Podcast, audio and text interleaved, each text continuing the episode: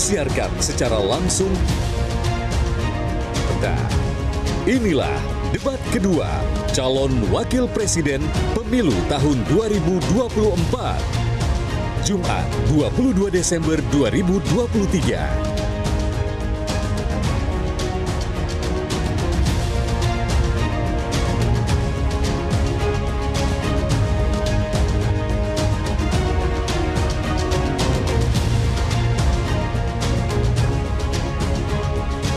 Hadirin sekalian, inilah moderator debat malam ini.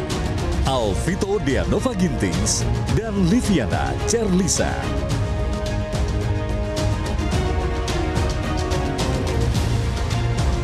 Assalamualaikum warahmatullahi wabarakatuh. Dan selamat malam. Kami ucapkan selamat datang kepada Ketua, Anggota, dan Sekjen Komisi Pemilihan Umum. Selamat malam dan juga selamat datang kami ucapkan kepada petinggi partai politik, petinggi kementerian dan juga lembaga, seluruh tamu undangan dan juga rekan-rekan media yang berbahagia. Kami senang dan bangga untuk dapat hadir di sini dan ikut serta secara aktif menjadi bagian dari demokrasi Indonesia. Mudah-mudahan malam hari ini ide, gagasan, dan semua upaya untuk meyakinkan Anda untuk menentukan siapa pilihan yang tepat dalam pemilu mendatang dapat terwujud. Dan ini merupakan bukan hanya memperkaya hasanah demokrasi kita, tapi juga menjadi referensi bagi Anda kelak. Ya, tentu kita semua juga berharap gagasan-gagasan yang terlontar dalam debat nanti akan jadi acuan dan juga solusi dalam membangun negeri ini. Malam ini kita akan menyaksikan bersama bagaimana tiga kandidat calon wakil presiden berbicara, saling bertanya, hingga beradu argumentasi dalam tema ekonomi kerakyatan dan digital, keuangan, investasi, pajak, perdagangan, pengelolaan APBN APBD, infrastruktur, dan perkotaan. Bersama saya Liviana Cerlisa. Dan saya Alvito Dinova Gintings, inilah debat kedua calon wakil presiden pemilu 2024.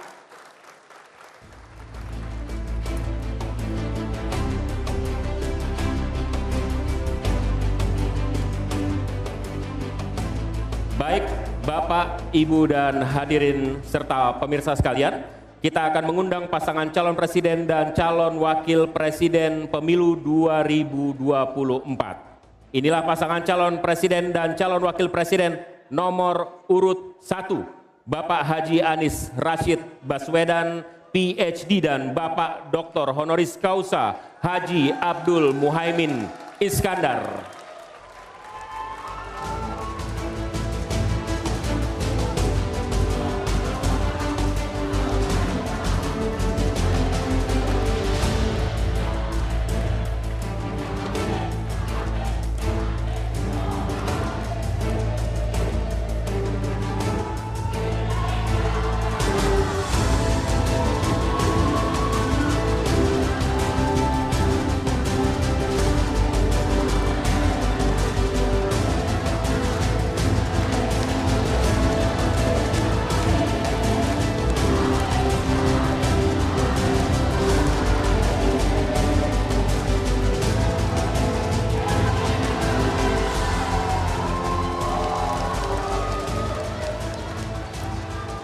Selanjutnya inilah pasangan calon presiden dan calon wakil presiden nomor urut 2. Bapak Haji Prabowo Subianto dan Bapak Gibran Raka Buming Raka.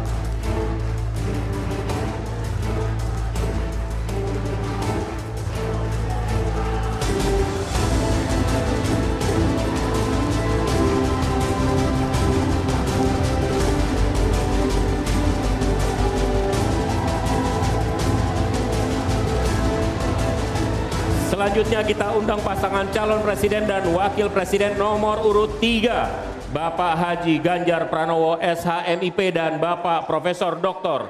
Haji Muhammad Mahfud MD.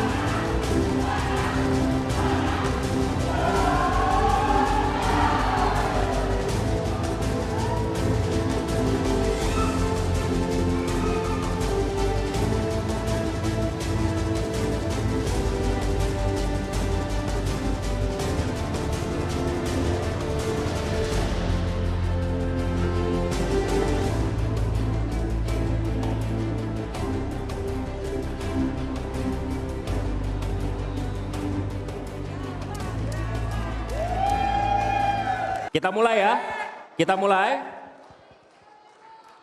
Untuk membuka rangkaian debat kedua calon wakil presiden pemilu 2024, kita akan simak sambutan dari Ketua Komisi Pemilihan Umum yang dilanjutkan dengan doa. Kepada Bapak Hashim Asari kami persilahkan.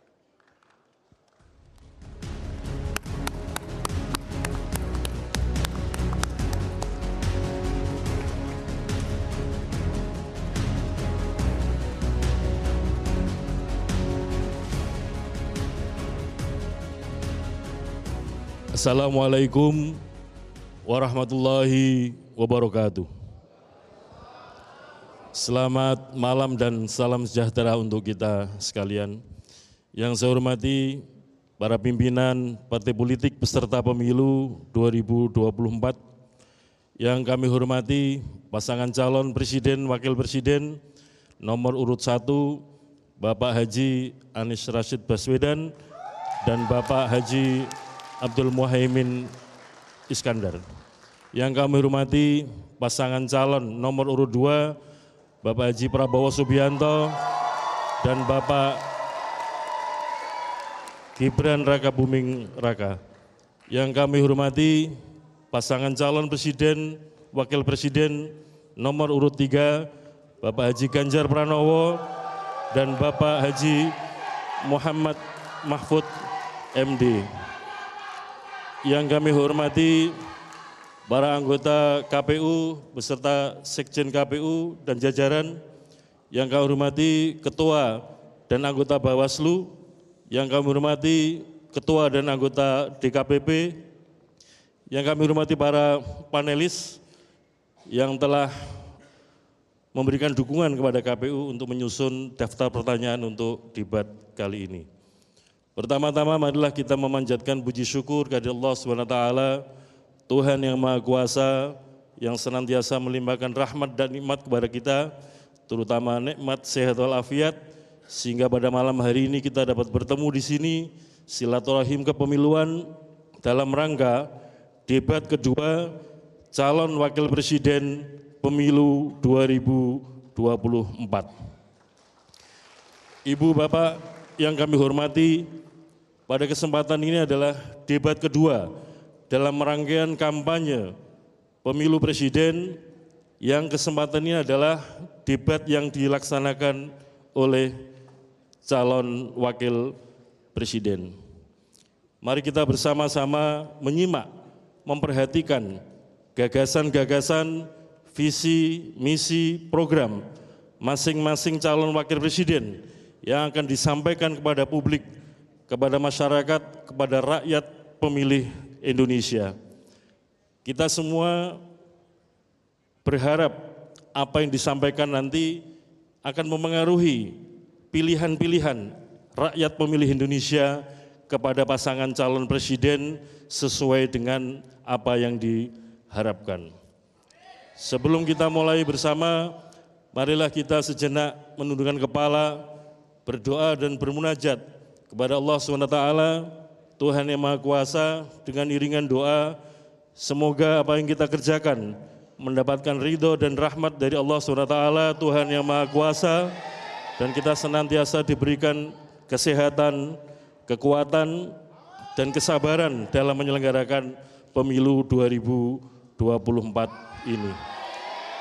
Berdoa sesuai dengan agama dan keyakinan kita masing-masing mulai.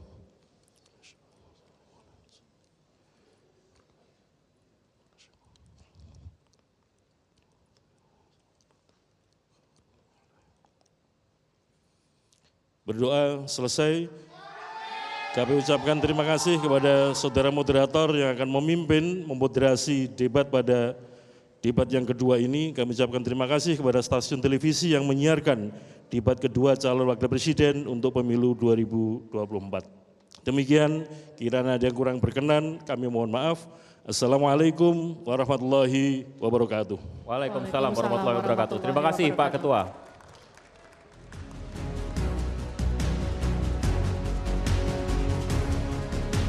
Bapak Ibu hadirin yang kami hormati, pada debat kedua calon wakil presiden pemilu 2024 terdapat 11 panelis. Kami mohon berkenan para panelis untuk berdiri ketika kami sebutkan namanya. Yang pertama Bapak A. Alam Syah Saragih, anggota Ombudsman RI periode 2016-2021.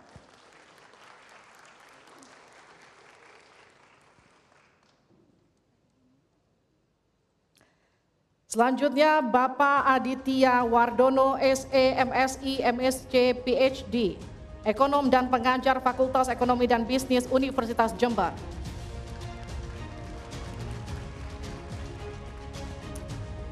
Dr. Agustinus Prasetyanto, Ekonom dan Rektor Universitas Katolik Indonesia Atmajaya tahun 2015-2023. Profesor Dr. Fauzan Ali Rashid MSI, Dekan Fakultas Syariah dan Hukum Universitas Islam Negeri Sunan Gunung Jati, Bandung. Henry Saparini PhD, pendiri dan ekonom Core Indonesia. Profesor Dr. Dr. Hieronymus Rowa, MSI, Wakil Rektor Bidang Akademik dan Inovasi Institut Pemerintahan Dalam Negeri, IPDN. Poppy Ismalina, Master of Economics Development, PhD, Associate Professor di Departemen Ekonomi, Fakultas Ekonomika dan Bisnis, Universitas Gajah Mada. Dr. Retno Agustina Eka Putri, SE MSc, Rektor Universitas Bengkulu 2021-2025.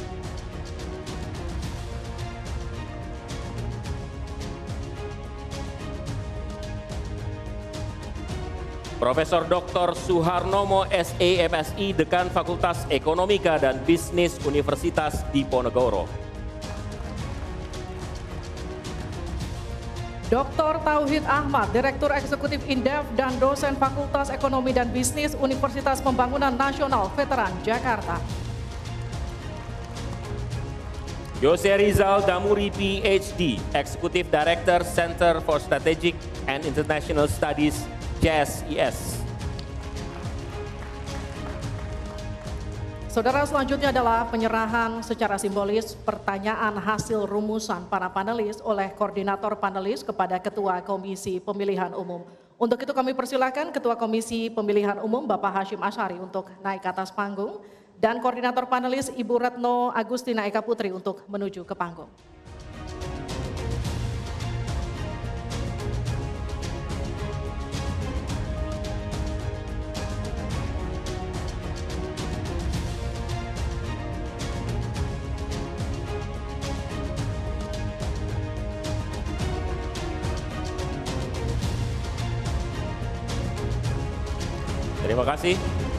Pak Hashim dan Bu Retno.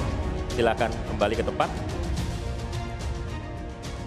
Bapak Ibu hadirin sekalian, sebelum memulai debat kami memiliki tata tertib yang harus ditaati baik oleh hadirin yang ada di ruangan dan luar ruangan dan juga harus ditaati oleh para calon wakil presiden yang akan berdebat malam ini. Kita simak bersama tata tertib debat berikut ini.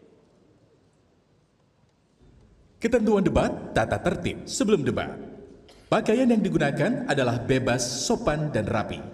Setiap tamu undangan harus menjaga ketertiban, keamanan, serta kebersihan dan tidak membawa barang-barang yang dilarang serta dapat membahayakan orang lain di lokasi debat.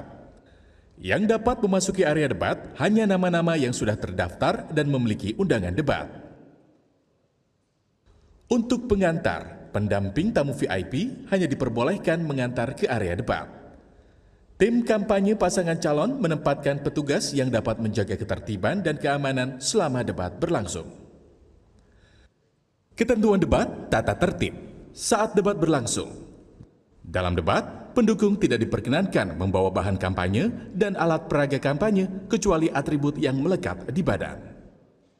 Selama acara debat berlangsung, tamu undangan wajib menjaga ketertiban dan tidak meneriakan yel-yel slogan, dan melakukan intimidasi dalam bentuk ucapan maupun tindakan kepada pendukung pasangan calon, moderator, dan panelis. Selama debat berlangsung, handphone, alat komunikasi dalam kondisi hening dan dilarang mengaktifkan flashlight. Selanjutnya kami akan perkenalkan para calon wakil presiden pemilu tahun 2024. Calon Wakil Presiden nomor urut 1, Bapak Dr. Honoris Causa Haji Abdul Muhaimin Iskandar.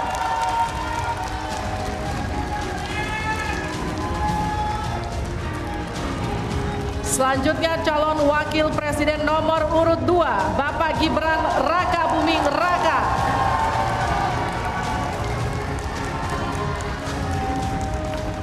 Selanjutnya calon wakil presiden nomor urut 3 Bapak Profesor Dr. Haji Mahfud MD.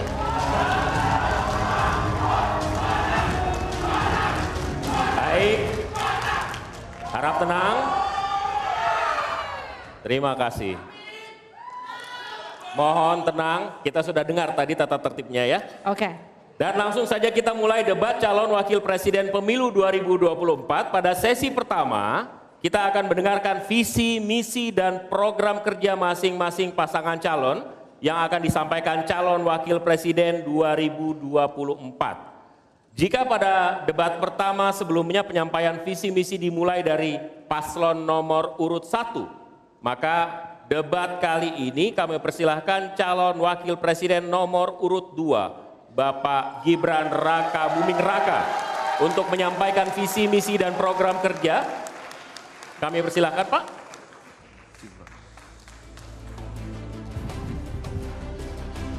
Mohon tenang, kami butuh kerjasamanya. Nanti ada waktunya tepuk tangan. Waktu Bapak 4 menit, dimulai dari saat Bapak berbicara. Silahkan. Assalamualaikum warahmatullahi wabarakatuh. Salam sejahtera, Salam, Om Swastiastu, Namo Buddhaya, salam kebajikan. Indonesia ini negara besar. Kita harus mampu keluar dari middle income trap. Kuncinya kita harus mampu menaikkan nilai tambah di dalam negeri.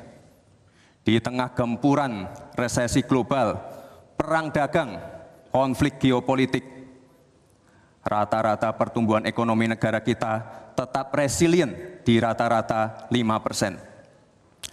Pertumbuhan ekonomi yang berkualitas didukung dengan penurunan angka pengangguran, angka kemiskinan, penurunan angka gini rasio, dan juga angka inflasi yang terkendali. Bapak Ibu yang saya hormati, teman-teman sesama anak muda, lalu apa agenda ke depan?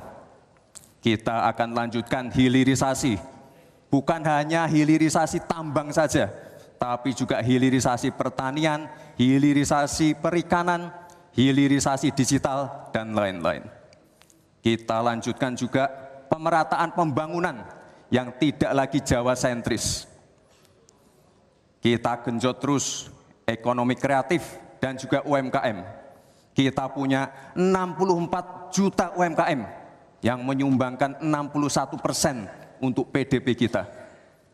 Jika empat langkah tadi bisa kita penuhi, insya Allah akan terbuka 19 juta lapangan pekerjaan. Pemerataan pembangunan itu wajib. Sekarang investasi yang ada di luar Jawa sudah ada 53 persen. Pembangunan IKN yang berkelanjutan ini akan membuka titik pertumbuhan ekonomi baru, akan membuka akses dan juga konektivitas sekaligus membuka lapangan kerja. IKN ini bukan hanya saja membangun bangunan pemerintahan, tapi juga sebagai simbol simbol pemerataan pembangunan di Indonesia dan juga sebagai simbol transformasi pembangunan Indonesia. Bapak dan Ibu yang saya hormati, saya juga berkeyakinan suatu saat nanti Indonesia akan menjadi raja energi hijau dunia. Dengan terus mengembangkan biodiesel, bioaftur dari sawit, bioetanol dari tebu, sekaligus kemandirian gula. Untuk menuju Indonesia emas dibutuhkan generasi emas. Kita harus mampu merubah future challenge menjadi future opportunity. Kita harus punya future talents yang dilengkapi dengan future skills. Untuk itu, hilirisasi digital akan kami genjot kita akan siapkan anak-anak muda yang ahli artificial intelligence, anak-anak muda yang ahli blockchain, anak-anak muda yang ahli robotik, anak-anak muda yang ahli perbankan syariah, anak-anak muda yang ahli kripto. Bapak dan Ibu yang saya hormati, narasi besarnya di sini adalah keberlanjutan, percepatan, dan penyempurnaan. Terima kasih. Wassalamualaikum warahmatullahi wabarakatuh. Selamat Hari Ibu. Selamat untuk kaum perempuan hebat di Indonesia. Terima kasih. Baik. Waktu habis. Terima kasih.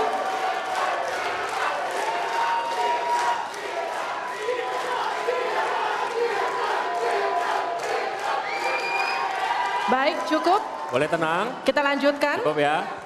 Terima kasih Bapak Gibran Raka Buming Raka. Kami persilakan Pak Gibran untuk kembali ke tempat. Kembali dulu Pak. Harap tenang, kita lanjutkan. Selanjutnya kami persilakan calon wakil presiden nomor urut 3, Bapak Mahfud MD untuk naik ke atas panggung dan menyampaikan visi misi dan program kerja. Pak Mahfud, waktu Bapak 4 menit, kami akan mulai ketika Bapak mulai silakan. Assalamualaikum warahmatullahi wabarakatuh. Mari kita bersujud semuanya, saudara-saudara di seluruh Indonesia kepada ibu kita dalam rangka mengucapkan selamat Hari Ibu 22 Desember 2023 ini. Dan sesudah ini kita lanjutkan pengabdian kita kepada Ibu Pertiwi. Ada yang bertanya kepada kami, mungkin tidak Anda mentargetkan mendapat pertumbuhan ekonomi 7 persen di dalam satu tahun. Karena di dalam sejarah reformasi tidak pernah sampai tumbuh sebanyak 7 persen. Dulu hanya itu dicapai pada tahun 89 sampai 91 di era Orde Baru. Lalu pertanyaan itu saya sampaikan kepada beberapa orang ahli, lalu mereka mengatakan hanya karena kebodohan kita, kita ini tidak bisa menaikkan pertumbuhan ekonomi menjadi 7 persen karena kita ini kaya raya dengan sumber daya alam dan sumber daya manusia yang hebat. Masalahnya apa? Masalahnya banyak korupsi dan inefisiensi di sektor-sektor pertumbuhan ekonomi yaitu di sektor konsumsi, belanja pemerintah ekspor impor dan investasi. Jadi dengan demikian karena banyak korupsi dan itu memang betul terjadi. Coba lihat berdasar hasil SIGI Transparansi Internasional. Korupsi terjadi di lembaga legislatif, eksekutif dan yudikatif secara besar-besaran. Korupsi juga terjadi di tiga metra alam kita ini. Kita menginjak bumi, ada korupsi di tanah dan pertambangan. Kita ke laut, ada korupsi di masalah kelautan. Kita melihat udara, pesawat terbang kita, ternyata di udara juga banyak korupsi. Akibatnya apa? Rakyat miskin. Saya ketemu dengan seorang bernama Teddy dan Joni di Padang. Seorang atau dua orang pegawai angkutan perusahaan truk menyatakan tidak pernah bisa mendapat subsidi minyak yang disediakan oleh negara karena tidak pernah sampai di korupsi. Saya juga ketemu dengan seorang Sri Wulan anak kecil di Parongpong, Bandung Barat. Dia mengajak saya main layang-layang. Katanya, Bapak saya ingin terbang seperti layang-layang meraih cita, tapi saya tidak dapat.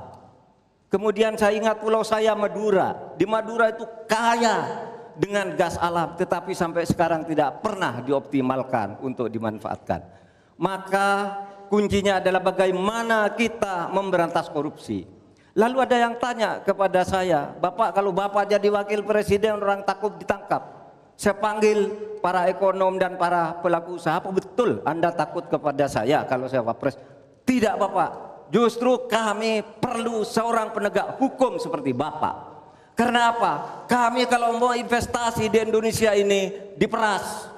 Mau berusaha ini diperas kalau kami bayar padahal diperas lalu ketahuan kami ditangkap katanya kami menyuap. Itulah Indonesia ini pada saat ini. Oleh sebab itu saudara sekalian, kita harus lawan korupsi. Memembang istilah anak muda, hai koruptor, kutabrak kau. Hai wir, mundur kau wir. Nah korupsi, setabrak. Saudara sekalian, ini semua dalam rangka agar terjadi pemerataan seperti ketentuan pasal 3 Undang-Undang Dasar. Di Al-Quran disebut kaila yakuna dulatan bainal yang Jangan biarkan kekayaan itu hanya beredar di antara Mohon orang maaf, ya. kaya. waktu Bapak Selesai. habis. Baik, terima kasih Pak Mahfud. Silahkan kembali Pak. Baik, Oke, mohon tenang. Selanjutnya kami akan berikan kesempatan kepada calon wakil presiden nomor urut satu, Bapak Muhaimin Iskandar untuk naik ke atas panggung, menyampaikan visi misi dan program kerja. Mohon tenang. Waktu Anda 4 menit Pak, dimulai dari Anda menyampaikan Assalamualaikum warahmatullahi wabarakatuh. Selamat malam, salam sejahtera untuk kita semua. Harusnya saya bicara pada debat yang pertama. Tapi hari ini saya sungguh bersyukur akhirnya bisa bertemu. Tapi jangan salah paham, bukan karena saya ambisi jadi presiden. Tapi karena saya punya pelajaran yang penting selama saya berjuang di politik. Apa itu? Saya menyaksikan dan menjadi bagian dari adanya pemerintah yang memiliki kewenangan mutlak, terutama pimpinan tertinggi untuk bisa menghadirkan keadilan dan kemakmuran rakyat. Inilah yang disebut sebagai selepet menjadi bagian dari kewenangan untuk menghadirkan kemakmuran dan keadilan. Selepet itu seperti sarung yang saya bawa ini. Bisa di kalangan santri bisa membangunkan yang tidur, menggerakkan yang loyo dan sekaligus mengingatkan yang lalai. Alhamdulillah Gusti Allah memberi kesempatan saya untuk bersama-sama Mas Anies yang memiliki pemikiran yang sama untuk terwujudnya perubahan dan perbaikan. Bahkan kami berdua seperti botol dengan tutupnya. Jangan salah, selepet itu disrupsi. Disrupsi itu adalah awal dari perubahan. Bayangkan 100 orang Indonesia kekayaannya di atas 100 juta jumlah penduduk Indonesia. Artinya ini keadaan yang tidak adil. Ini harus kita selepen. Kita juga harus punya keyakinan bahwa 100 orang yang kaya ini kita pajakin bersamaan dengan kita turunkan pajak kelas menengah di Indonesia. Hari ini cabai mahal, telur mahal, beras mahal, barang-barang mahal, tengkulak jahat, mafia penguasai dan merajalela di mana-mana. Padahal rakyat sudah kerja, kerja, kerja. Ini harus kita selepet. Angka pengangguran sudah 8 juta, 80 juta memang bekerja, tetapi di sektor informal. Mereka tidak mendapatkan penghasilan yang pasti dan bahkan dompetnya dipastikan tipis. Ini yang harus kita selepet. Amin menginginkan bansos yang memang menjadi kewajiban negara ini diteruskan dan bahkan harus ditingkatkan sehingga kita ingin bansos plus yang semakin membawa rakyat kita memiliki kemampuan daya beli, yang mendongkrak ekonomi masyarakat kita. Insya Allah, Amin akan memastikan 5% anggaran dari APBN atau sekitar 150 triliun kita khususkan untuk kamu-kamu kaum muda Indonesia. Kamu-kamu yang memiliki energi besar untuk menjadi bagian terdepan bagi kemajuan bangsa kita. Salah satunya adalah kamu, kredit usaha anak muda yang diberi kesempatan untuk mengakses sebanyak-banyaknya menjadi pelaku ekonomi yang baik. Kita akan hadirkan Bagaimana agar desa-desa tumbuh berkembang? Insya Allah 5 miliar per desa akan kita wujudkan tiap tahun bagi pembangunan nasional kita. Kita juga akan siapkan seluruh bantuan-bantuan yang memungkinkan tumbuh habis menjadi maju. Waktunya. Mohon habis. maaf waktu Anda habis waktu. Bapak. Terima, Terima kasih Pak, kembali ke tempat. Terima kasih.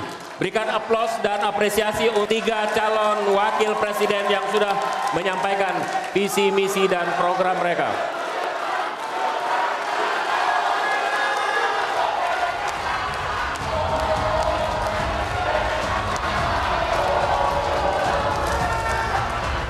Cukup. Oke. Cukup tahan dulu. Saudara kita akan jeda sejenak. Dan usai jeda, pada segmen berikutnya kita akan memperdalam visi misi dan program kerja para calon wakil presiden yang telah disampaikan tadi. Untuk itu tetap bersama kami di debat kedua calon wakil presiden pemilu 2024.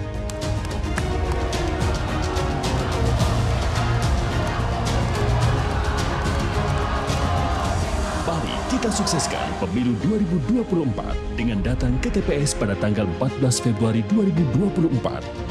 Mari kita berpartisipasi, jangan golput, gunakan hak suara kita dalam pemilu 2024. Nyoblos dong. Jangan golput. Jangan golput ya. Gunakan hak pilih kamu, jangan golput ya. Jangan golput, gunakan hak pilih Anda. Fiona, Aku nggak mau. Tunggu dulu Fiona. Apa? Hari kasih sayang. Kalau itu mah aku juga udah tahu. Bukan gitu sayangku. Hari itu adalah hari pemilihan umum sayang. Aku jadi iya pengen deh ke TPS tersayang sama kamu. Jangan, Jangan lupa ya, tanggal 14 Februari 2024 datang ke TPS. Gunakan hak pilih kamu. Mas, bunganya belum dibayar. Oh iya.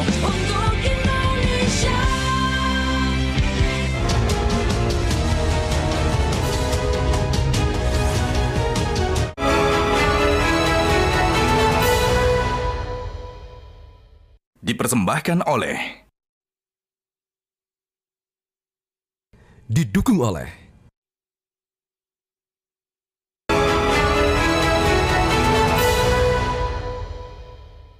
dipersembahkan oleh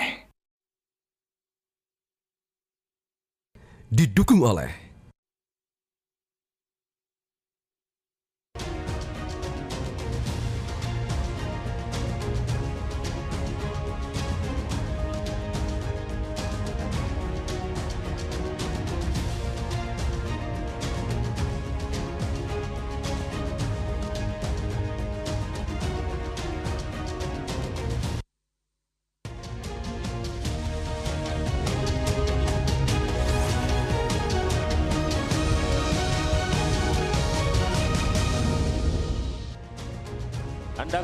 menyaksikan debat kedua calon wakil presiden pemilu 2024. Bapak Ibu sekalian, calon wakil presiden akan menjawab pertanyaan yang telah dibuat oleh tim panelis. Ada 11 panelis yang disiapkan oleh KPU dan selama kurang lebih satu hari kemarin mereka menyiapkan sejumlah pertanyaan.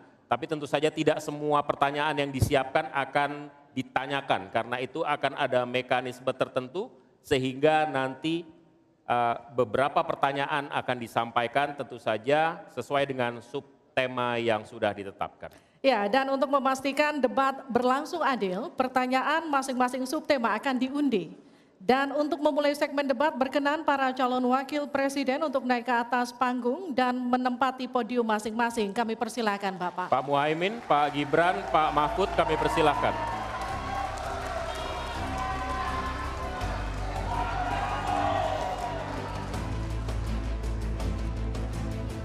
Pada segmen pertama penyampaian visi misi dimulai dengan calon wakil presiden nomor urut 2, maka di sesi ini kita mulai dengan calon wakil presiden nomor urut 3. Dan untuk itu kami persilahkan panelis Alam Syah Saragi untuk mengambil subtema pertanyaan di dalam fishbowl, kemudian silahkan diperlihatkan ke calon wakil presiden dan juga moderator.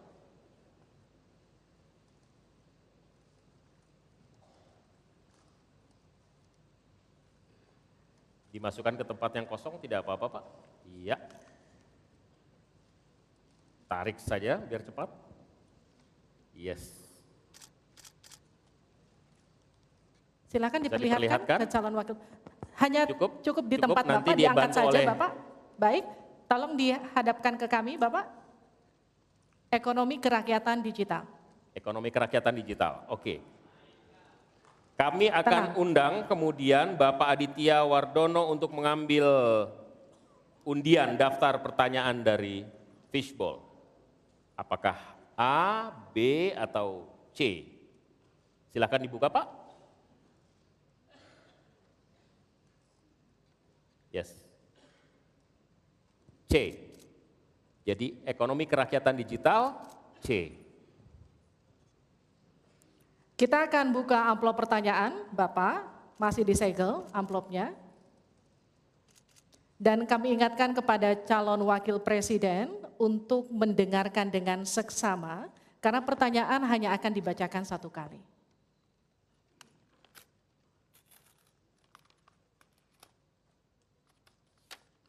Pertanyaan untuk calon wakil presiden nomor urut 3, Bapak Mahfud MD, terkait ekonomi kerakyatan dan digital. Digitalisasi membuka akses pasar yang lebih luas, tetapi juga berpotensi merugikan usaha mitra dan konsumen melalui penyalahgunaan data digital. Pertanyaannya, bagaimana kebijakan paslon untuk mengatasi hal tersebut? Waktu untuk menjawab dua menit dimulai sejak Bapak menjawab. Kami persilakan. Baik, kalau kebijakan data digital yang terakhir ini kita sudah punya dua undang-undang eh, yang baru yaitu undang-undang PDP dan undang-undang ITE yang baru saja diresmikan. Tapi lebih dari itu, menurut saya digital atau ekonomi digital ini tidak bisa dihindarkan oleh siapa pun. Oleh sebab itu, ya kita tidak bisa menolaknya, tetapi harus berhati-hati karena terjadi disrupsi yang luar biasa dalam perkembangan digital ini.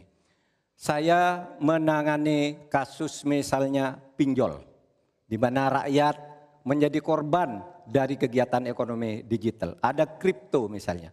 Kasus pinjol itu sendiri sungguh sangat problematik. Kenapa? Karena dia dibuat secara hukum perdata melalui gadget. Rakyat yang tidak tahu langsung bilang, kamu mau pinjam uang sekian? Yes. Bunganya sekian? Yes.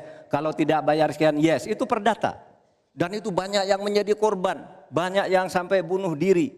Ada seorang dari Semarang, seorang guru, meminjam hanya 500 500 ribu, kemudian hutangnya menjadi 240 juta karena selalu bertambah bunganya.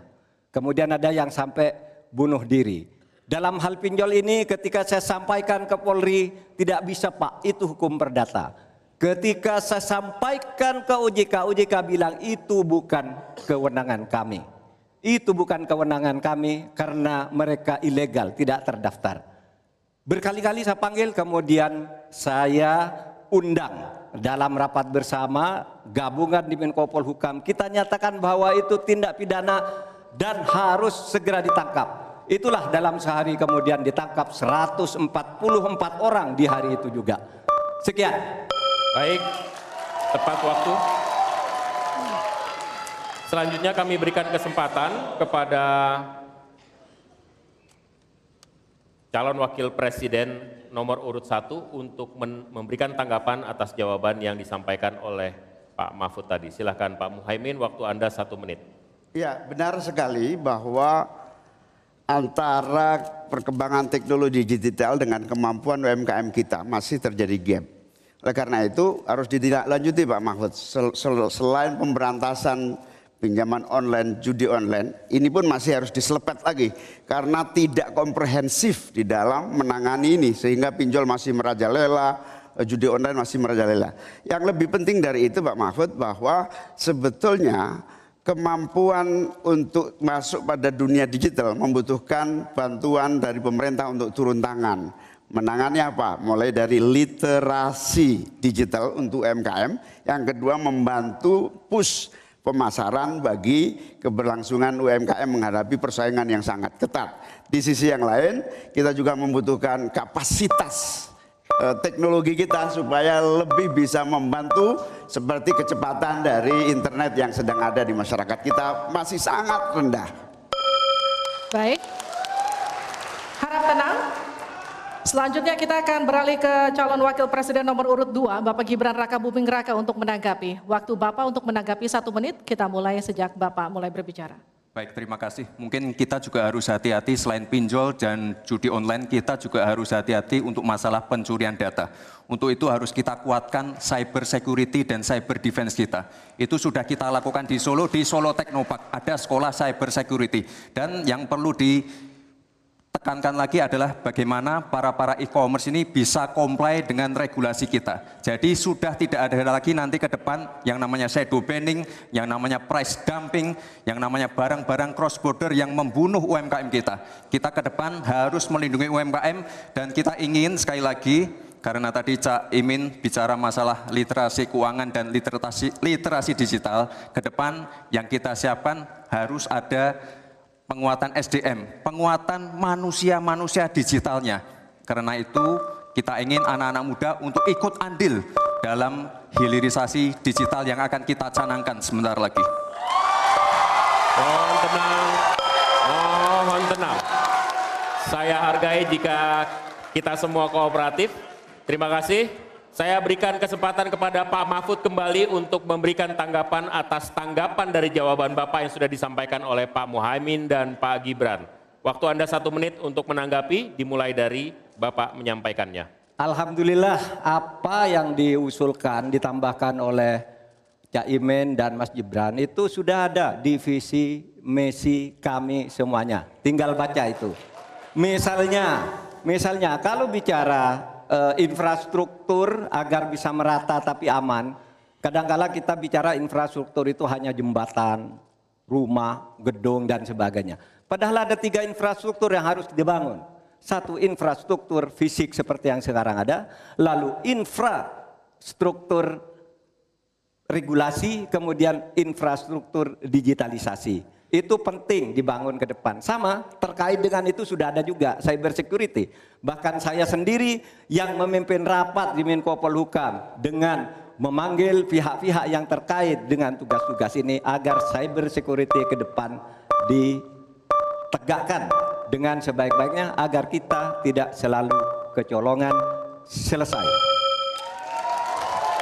Mohon tenang. tenang. Belum selesai.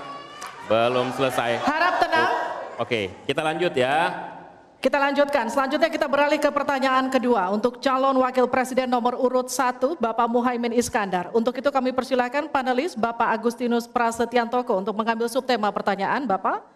Di dalam fishbowl silahkan diperlihatkan selanjutnya ke calon wakil presiden dan ke moderator.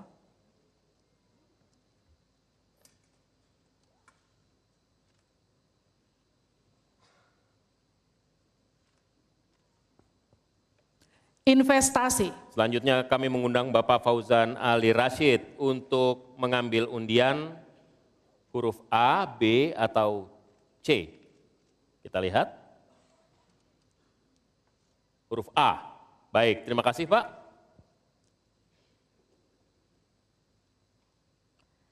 Kita buka amplop sesuai dengan undian yang didapat dan kita lihat masih tersegel Bapak.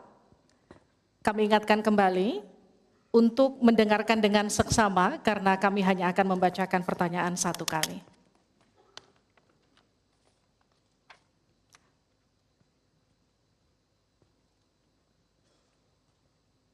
Pertanyaan untuk calon wakil presiden nomor urut 1, Bapak Muhaimin Iskandar, dengan subtema investasi. Kontribusi usaha menengah terhadap ekonomi kita sebesar 13 persen, sementara Thailand mencapai 18 persen dan Singapura 22 persen. Pertanyaannya, bagaimana strategi paslon meningkatkan investasi untuk usaha menengah dan mendorong usaha kecil naik kelas? Waktu Bapak untuk menjawab dua menit dimulai sejak Bapak berbicara. Silakan. Terima kasih. Investasi salah satu yang paling penting buat pertumbuhan ekonomi kita. Dan investasi tidak akan ada masuk ke tanah air kita apabila tidak kita bangun trust, kepercayaan internasional, kepercayaan dalam negeri dengan apa? Dengan kepastian hukum dan terjaganya kestabilan usaha yang berkembang di masyarakat kita. Di sisi yang lain, investasi juga masih sangat tertutup. Kita ingin investasi ini begitu terbuka dan tidak hanya berkonsentrasi kepada investasi yang menumpuk pada sektor-sektor tertentu atau padat modal.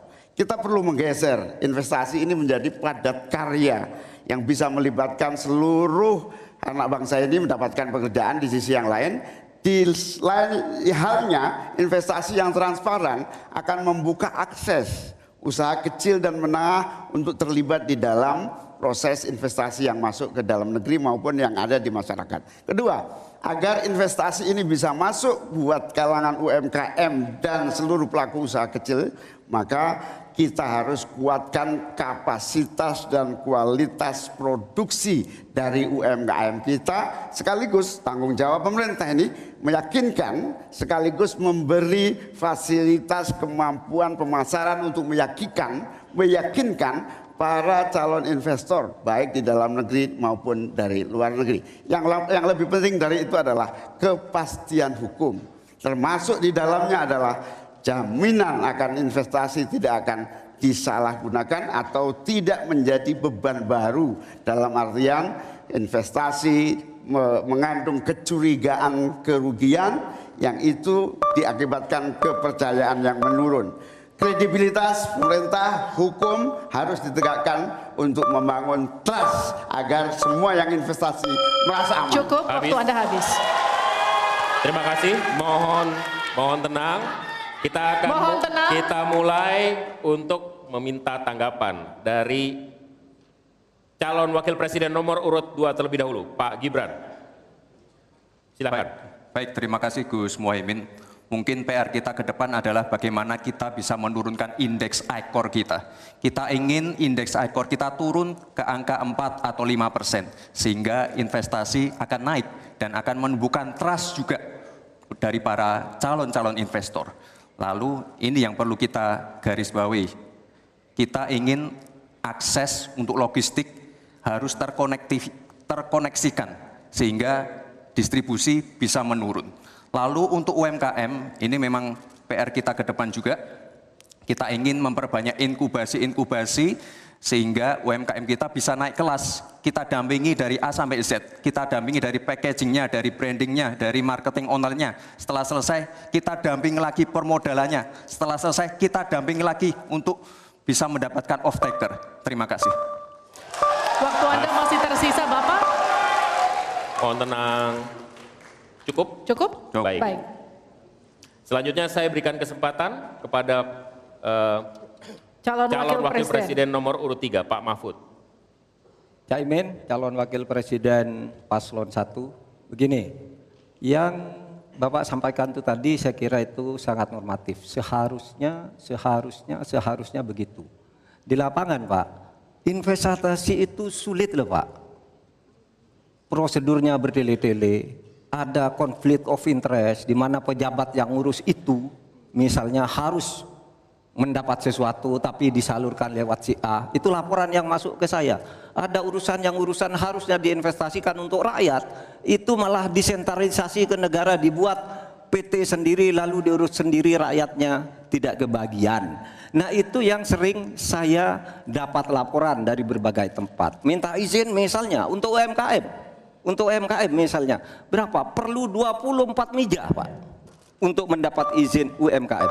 Pertanyaan saya, instrumen hukum apa yang Pak Imin bisa sediakan untuk menjawab itu semua?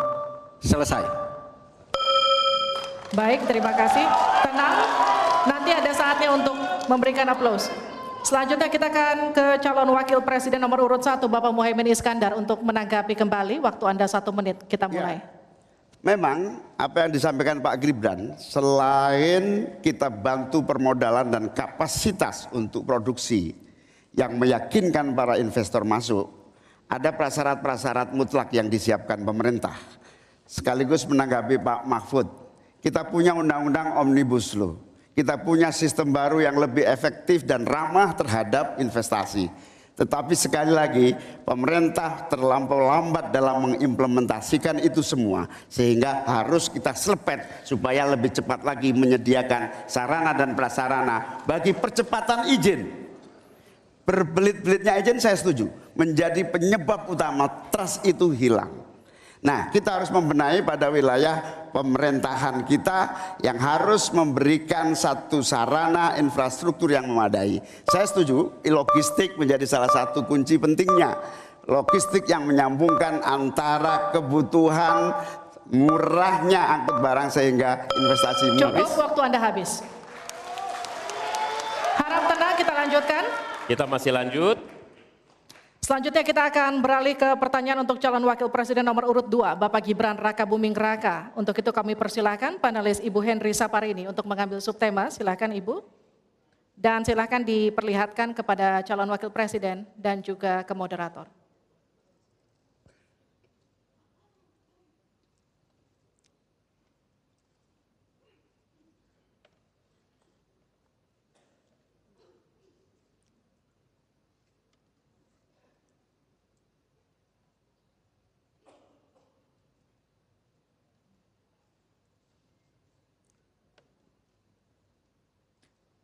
Keuangan, pajak, dan tata kelola APBN APBD. Baik, untuk selanjutnya Pak Hieronymus mohonkan untuk mengambil undian untuk mengetahui huruf apa yang akan muncul. B, ya. Baik, terima kasih. Kita akan ambil dan buka amplop pertanyaan sesuai dengan undian dan silahkan amplopnya masih tersegel. Kami ingatkan kembali, mohon disimak baik-baik karena kami hanya akan membacakan pertanyaan satu kali. Pertanyaan untuk calon wakil presiden nomor urut 2, Bapak Gibran Raka Buming Raka. Untuk subtema keuangan, pajak, pengelolaan APBN dan APBD. Hanya sepertiga APBN yang dapat digunakan untuk membiayai pembangunan. Padahal janji kerja program paslon memerlukan biaya tinggi. Pertanyaannya, mana yang menjadi pilihan prioritas anggaran? Pembangunan infrastruktur fisik atau pembangunan kualitas SDM dan ekonomi rakyat? Waktu Bapak untuk menjawab dua menit, kita mulai ketika Bapak mulai berbicara. Baik, terima kasih. Tidak semuanya harus menggunakan APBN. Contoh IKN, banyak yang gagal paham. Tidak 100% pembangunan IKN itu menggunakan APBN. Yang digunakan hanya 20%. Sisanya adalah investasi dari swasta dan investasi dari luar negeri. Ini yang banyak yang gagal paham. Lalu kita mengacu ke pertanyaan, infrastruktur fisik atau SDM, dua-duanya penting. Dan dua-duanya harus dijalankan secara paralel. Karena sekali lagi untuk menuju Indonesia emas dibutuhkan generasi emas. Kita butuh future talents yang menguasai future skills. Untuk itu, di tingkat SMK misalnya, kita perlu alat-alat yang ada di SMK itu bisa memenuhi kebutuhan zaman, kebutuhan industri. Sehingga ketika anak SMK lulus, mereka benar-benar bisa siap kerja, siap menerima tantangan kerja. Lalu untuk fisik tidak selalu harus dari APBN sekali lagi. Bisa kolaborasi misalnya dengan swasta, dengan CSR. Jadi tidak semuanya harus dibebani oleh APBN. Lalu apa PR kita ke depan? PR kita ke depan harus bisa menambah penerimaan negara. Untuk itu kami dari Paslon 2 akan membentuk lembaga badan penerimaan negara yang dikomandoi langsung oleh Presiden. Sehingga nanti ketika berkoordinasi dengan kementerian-kementerian ini bisa lebih luas. Dan sekali lagi kita ingin menaikkan rasio pajak sehingga penerimaan negara nanti bisa kita gunakan untuk pendidikan, untuk kesehatan, dan lain-lain. Terima kasih. Mohon tenang, masih ada waktu. Terima kasih. Saatnya menanggapi Pak Mahfud. Waktu Anda satu menit dimulai dari Anda menyampaikannya. Mas Gibran, saya sangat tertarik tentang IKN dan itu bagus. Harus kita laksanakan sebagai warisan dari Pak Jokowi. Tapi tadi saya tergelitik anggaran untuk IKN itu hanya 20% dari PBN dan sisanya dari investor. Sejauh yang kita baca, sampai sekarang belum ada satupun investor yang masuk ke sana. Coba kalau ada sebutkan, kalau ada sebutkan misalnya dua atau satu gitu, investor mana yang sudah masuk ke sana. Yang saya dengar justru ada ratusan ribu hektar tanah sudah dikuasai oleh pengusaha-pengusaha tertentu sekarang ini. Nah, saya setuju ke depannya itu agar mengundang investor, IKN harus diteruskan tetapi pendanaannya harus sesuai dengan tujuan semula bahwa itu sebenarnya mengundang investor. Tapi sekarang ini yang sudah jadi itu semuanya dari APBN. Sehingga memang diperlukan langkah-langkah perbaikan agar warisan baik Presiden Jokowi ini bisa kita lanjutkan. Terima kasih, selesai. Baik. Terima kasih. Mas, kita masih lanjut. Masih lanjut. Mohon tenang. Selanjutnya giliran calon wakil presiden nomor urut 1 Bapak Muhaimin Iskandar untuk memberikan tanggapan waktu Anda satu menit. Kita mulai Oh. ketika Anda mulai berbicara. Mohon tenang, dulu. Iya. Saya baru tahu kalau boleh di sini juga. Supaya lebih dekat sama panelis. Bisa mulai. Jadi saya setuju bahwa yang paling penting bukan soal infrastruktur dulu atau SDM dulu. Yang paling penting dari ini adalah kemampuan membaca skala prioritas. Seluruh proyek-proyek besar yang ambisius, ini IKN sebagai salah satu contoh saja, itu kalau hanya mengandalkan APBN hampir 500 triliun. Padahal satu persen saja dari dari lima- 400 sekian triliun itu untuk bangun jalan seluruh Kalimantan beres, membangun seluruh kota-kota di Kalimantan beres. Dan yang paling penting infrastruktur yang untuk SDM tiga persen aja dari seluruh anggaran IKN itu bisa membangun sekolah dengan baik di seluruh Kalimantan. Itu contoh kemampuan mengambil skala prioritas. Oleh karena itu Habis skala prioritas harus penting. Mohon tenang. Sekarang kita berikan kesempatan kepada kita berikan kesempatan kepada Pak Gibran untuk menanggapi atas tanggapan yang sudah disampaikan. Silahkan. Baik, saya izin menanggapi Gus Muhaimin dulu. Saya ingat sekali Gus Muhaimin dulu sempat ikut meresmikan dan potong tumpeng di IKN. Ini gimana? Ini nggak konsisten. Dulu dukung, sekarang nggak dukung karena menjadi wakilnya Pak Anies yang mengusung tema perubahan. Sekali lagi Gus, mohon maaf, IKN ini bukan hanya membangun bangunan pemerintah, tapi juga sebagai simbol pemerataan pembangunan di Indonesia, sebagai simbol transformasi pembangunan di Indonesia. Dan untuk menanggapi Prof. Mahfud, Prof, mungkin nanti setelah pulang dari debat bisa di Google, sudah banyak yang masuk hanya pada Agung Sedayu. Dan nanti akan tambah lagi mungkin setelah Pilpres karena mereka kan akan pasti akan wait and see melihat stabilitas politik di Indonesia. Terima kasih Prof. Baik. Silakan berikan apresiasi dan aplaus dulu deh. Biar semangat semua. Satu, dua, tiga, pendukung-pendukungnya silakan bersemangat memberikan apresiasi.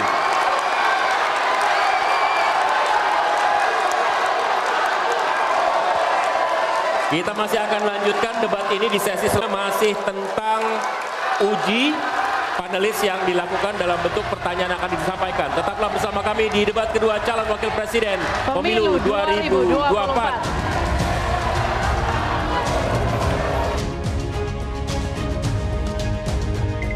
RT, nama saya udah terdaftar belum sebagai pemilih? Cek dulu, dicek dptonline.kpu.go.id.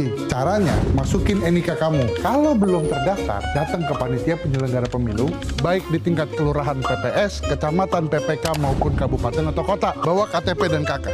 Buat WNI di luar negeri yang datanya belum terdaftar, lapor ke panitia pemilihan luar negeri PPLN setempat.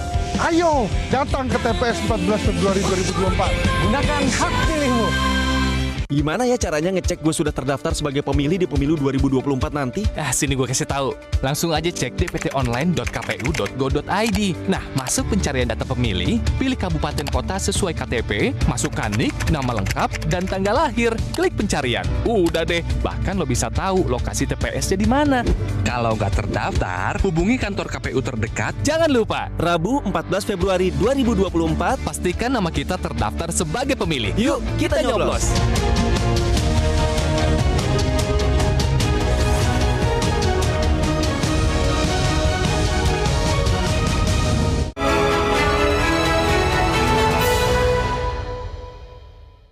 Dipersembahkan oleh Didukung oleh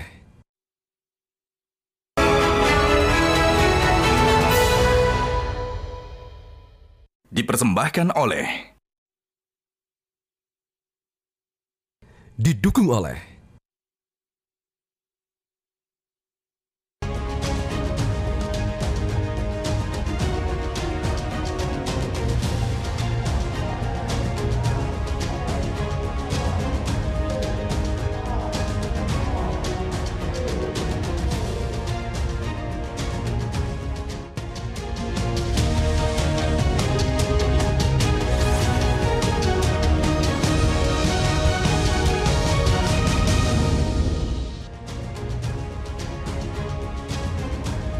Masih di debat kedua calon wakil presiden pemilu 2024 kami undang Pak Muhaimin, Pak Gibran dan Pak Mahfud untuk tetap ada di podium. Kita masih akan lanjutkan pendalaman visi dan misi. Pak, Kami silakan, silakan maju. kembali Pak Muhaimin, Muhaimin, Pak Pak Mahfud. Gibran dan Pak Mahfud untuk kembali Kita masih dalam podium. sesi pendalaman visi misi program kerja Harap tenang. melalui pertanyaan yang telah dibuat oleh para panelis. Dan untuk segmen ini pertanyaan dimulai untuk calon wakil presiden nomor urut 1, Bapak Muhaimin Iskandar. Untuk itu kami persilahkan panelis untuk mengambil undian subtema di dalam fishbowl. Kami persilahkan Ibu Popi Ismalina untuk mengambil dan memperlihatkan ya kepada calon wakil presiden dan moderator.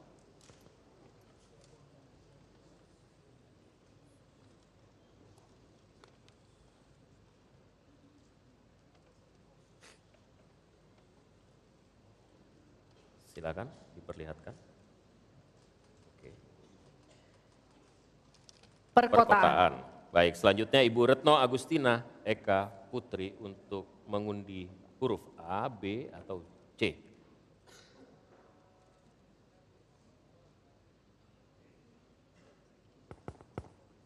Silahkan diperlihatkan huruf B.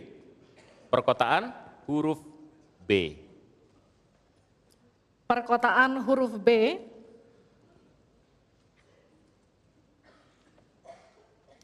Kita akan buka amplop pertanyaan yang masih disegel. Dan kami kembali ingatkan kepada para calon wakil presiden untuk mendengarkan dengan seksama karena kami hanya akan membacakan pertanyaan satu kali. Pertanyaan untuk calon wakil presiden nomor urut satu, Bapak Muhaimin Iskandar. Dengan subtema perkotaan. 56% penduduk Indonesia tinggal di perkotaan dan mencapai lebih dari 70% di tahun 2045.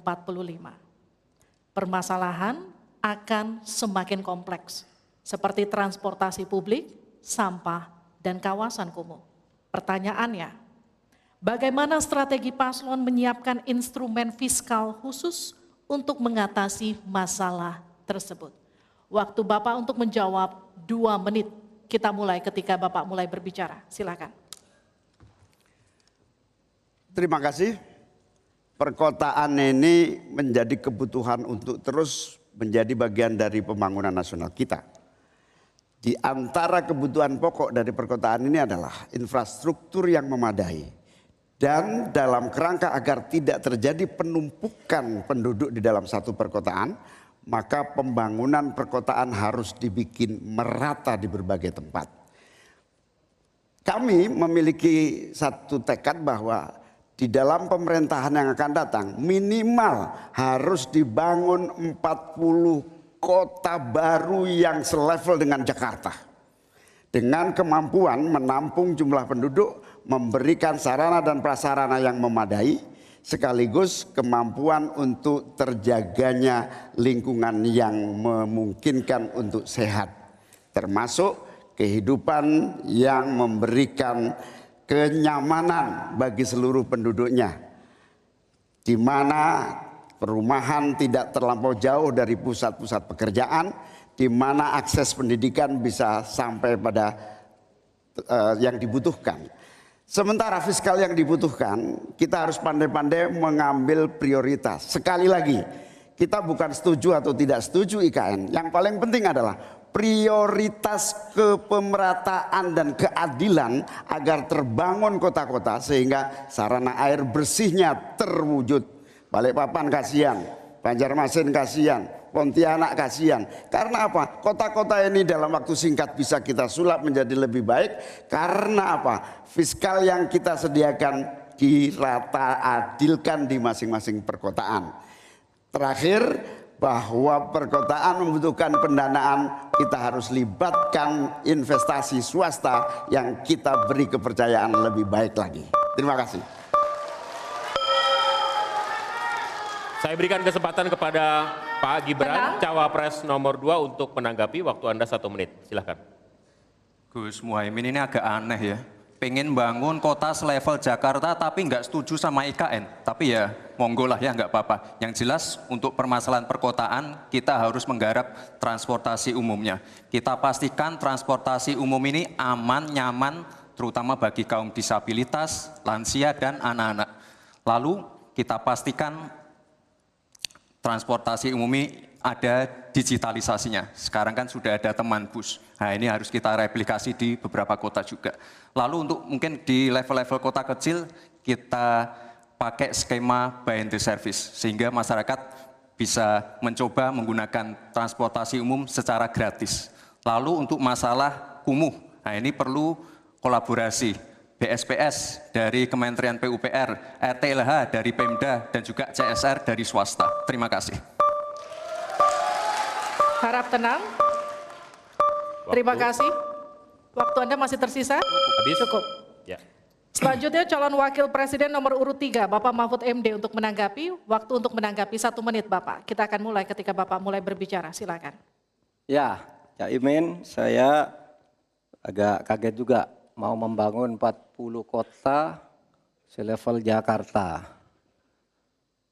Ya, apa itu bisa dilaksanakan lima tahun Bapak menjadi presiden dan wakil presiden? Berapa kota dalam lima tahun? Ini IKN aja sudah puluhan tahun baru dilaksanakan. Itu pun yang investasi baru dalam bentuk janji. Belum ada yang melaksanakan. Nah gitu kan. Lalu saudara 40 luar biasa menurut saya 40 kota selevel Jakarta yang sudah metropolitan seperti itu. Lalu juga pembiayaannya menurut Pak Mohaimin. Kalau nanti kita membentuk 40 kota itu pembica, pembiayaannya itu APBN, APBD atau perlukah lembaga khusus seperti tadi ditanyakan oleh panelis melalui moderator. Ini perlu dijawab dulu agar semuanya tidak spekulatif Mohon. selesai. Baik. Mohon maaf waktu Anda habis. Kami akan kembalikan ke Pak Muhaimin. Mohon tenang, tenang, belum selesai. Pak Muhaimin, waktu Anda untuk menanggapi atas tanggapan dari Pak Gibran dan Pak Mahfud. Waktu Anda silakan. Ya, yang saya sampaikan seperti Jakarta itu memiliki standar upaya sampai menuju Jakarta. Di mana tentu kota-kota yang potensial cukup disentuh dengan beberapa anggaran yang menumbuh kembangkan. Misalnya Pontianak, satu tahun cuma satu triliun. Bagaimana kalau satu tahun kita bisa investasikan pengembangan kota hingga 3 triliun, 5 triliun. APBN kita cukup. Apalagi kalau seperti yang sampaikan Pak Gibran tadi, melibatkan berbagai cara pembiayaan yang melibatkan eh, baik itu swasta maupun CSR. Jadi apa yang saya sampaikan selevel Jakarta itu target utama. Tetapi yang lebih penting dari itu adalah infrastruktur yang dibutuhkan dipersiapkan dari potensi yang sudah ada. Sehingga dalam waktu singkat kota-kota 40 kota itu benar-benar sudah menggunakan potensi yang sudah dimiliki yang, yang ada. Habis. Harap tenang, nanti kita akan berikan waktu untuk aplaus. Selanjutnya kita akan beralih ke pertanyaan untuk calon wakil presiden nomor urut 2, Bapak Gibran Raka Buming Raka. Tenang. Untuk itu kita akan persilakan panelis Bapak Suharnomo untuk mengambil undian subtema kelima dalam Fishball. Silakan diperlihatkan ke calon wakil presiden dan ke moderator Bapak.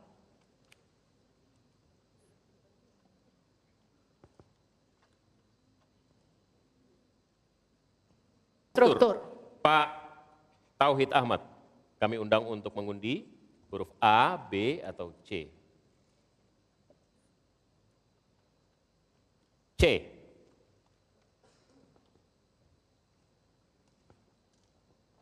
Infrastruktur huruf C. Masih tersegel Bapak.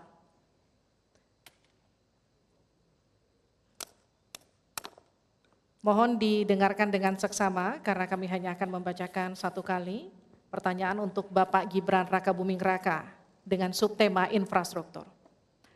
Dalam lima tahun biaya infrastruktur pada proyek strategis nasional sebesar 2.385 triliun rupiah dari APBN. Sementara untuk infrastruktur sosial seperti sanitasi dan air bersih masih memprihatinkan. Pertanyaannya, bagaimana strategi paslon untuk memastikan penyediaan infrastruktur sosial tanpa membebani keuangan daerah? Waktu Anda untuk menjawab dua menit, kita akan mulai ketika Anda berbicara. Silakan. Baik, terima kasih. Jika kita bicara masalah sanitasi dan air bersih, ini nanti nyambung ke masalah stunting. Untuk masalah sanitasi, ini perlu kolaborasi banyak pihak. Misalnya apa yang sudah saya lakukan di Solo. Kita membangun IPAL komunal di perumahan padat penduduk. Ini penting sekali. Lalu untuk kebutuhan air bersih, kita juga bekerja sama dengan kabupaten sekitar, misalnya dengan Monogiri, Klaten untuk mendapatkan air bersih. Kita juga sekarang sudah ada proyek strategis nasional membangun beberapa bendungan dan embung. Ini nanti juga penting untuk meneruskan program eh, pengairan nasional yang nanti berguna untuk pengadaan air bersih dan juga untuk mengairi sawah. Ke depan, masalah sanitasi dan air bersih ini penting sekali. Karena kami dari paslon nomor dua ingin menyiapkan generasi-generasi emas yang sehat dan pintar. Kalau kita mengintervensi masalah stunting, kita juga harus mengintervensi tempat tinggalnya juga. Kita tidak bisa hanya memberikan gizi tambahan untuk ibu hamil dan lain-lain, tapi kita tidak menyentuh rumah tinggalnya. Jadi ini harus dikerjakan secara paralel. Stunting kita kerjakan, pemenuhan gizi kita kerjakan, sanitasi, drainase, air bersih, kawasan kumuh, ini harus kita selesaikan juga secara paralel. Terima kasih. Masih ada waktu? Cukup Pak? Cukup. Baik, saya berikan waktu untuk Pak Mahfud untuk menanggapi jawaban dari Pak Gibran. Mas Gibran yang terhormat, tadi itu pertanyaan yang dibaca oleh moderator, bagaimana strategi paslon untuk memastikan penyediaan infrastruktur sosial tanpa membebani keuangan daerah. Kayaknya belum terjawab. Tadi yang dijawab tuh infrastruktur fisik semua tuh. Infrastruktur itu kan ya ada infrastruktur sosial, ya itu yang penting. Kemudian regulasi. Bagaimana Anda menyiapkan regulasi sekarang ini agar semua itu bisa berjalan dengan baik. Nah kalau infrastruktur fisik mungkin sih bisa saja di kota adik dari APBN, APBD gitu ini untuk ini. Tapi masalahnya kita punya problem dengan infrastruktur sosial seperti yang ditanyakan tadi. Nah itu saya kira yang perlu dijelaskan lebih jauh selesai. Waktu Anda habis, baik kita akan ke calon wakil presiden nomor urut satu Bapak Muhaimin Iskandar untuk menanggapi waktunya satu menit. Infrastruktur yang disampaikan Pak Gibran menjadi bagian dari yang perlu disediakan. Tapi infrastruktur sosial atau infrastruktur kerakyatan pada dasarnya kita bisa melibatkan semua pihak untuk hadir dan memberikan solusi. Contohnya infrastruktur gedung-gedung sekolah yang memberikan kesehatan, kecerdasan bagi masa depan anak didik kita. Apa yang bisa kita lakukan? Misalnya kita bebaskan pajak buat seluruh penyelenggara pendidikan supaya fiskalnya terpenuhi, supaya pendidikan bisa terjangkau, sehingga semua bentuk pendidikan, semua bentuk yang ber, ber, berkaitan dengan pencerdasan kehidupan masyarakat kotanya, maka dibebaskan pajaknya. Ini seperti yang sudah dilakukan di Jakarta, yang ini bisa kita tarik ke tingkat nasional. Infrastruktur sosial tercipta dengan pemerintah memberi fasilitas yang memadai. Cukup, Cukup Bapak? Cukup. Baik. Kita stop, countdown. Tenang. Saya berikan kembali waktu untuk Pak Gibran untuk menanggapi atas tanggapan dari Pak Mahfud dan Pak Muhaimin. Baik, terima kasih. Mungkin Prof. Mahfud dan Gus Muhaimin kurang paham dengan apa yang sudah saya paparkan. Saya tadi juga bicara masalah infrastruktur sosial, stunting itu loh Pak. Ya, tapi nggak apa-apa, saya perjelas lagi. Kita punya program makan siang gratis. Banyak yang nyinyir, tapi sekali lagi Pak, program makan siang gratis ini adalah investasi menuju Indonesia emas. Program makan siang gratis 400T ini adalah stimulan untuk ibu-ibu warteg-warteg, warung-warung, catering-catering yang ada di daerah. Bayangkan 400T mengucur ke daerah-daerah. Semua ibu-ibu ikut memasak makan siang untuk anak-anak kita itu Pak yang saya maksud dengan infrastruktur sosial. Program makan siang gratis, investasi ke depan untuk menuju Indonesia emas. Terima kasih. Tenang. Baik, kita, kita masih akan lanjut. lanjutkan. Harap kita tenang, masih kita lanjut. akan lanjutkan. Selanjutnya kita akan beralih untuk pertanyaan calon wakil presiden nomor urut 3, Bapak Mahfud MD. Untuk itu kami persilakan panelis Bapak Yose Rizal Damuri untuk mengambil undian subtema ke-6 dalam Fispol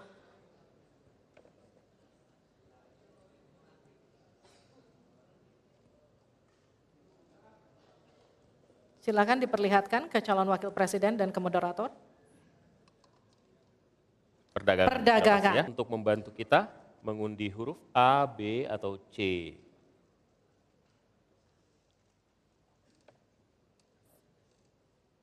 Perdagangan C. Terima kasih. Perdagangan huruf C, Pak Mahfud. Masih tersegel.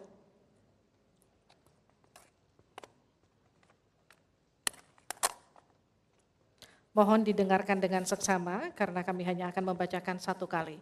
Pertanyaan untuk Bapak Mahfud MD dengan subtema perdagangan.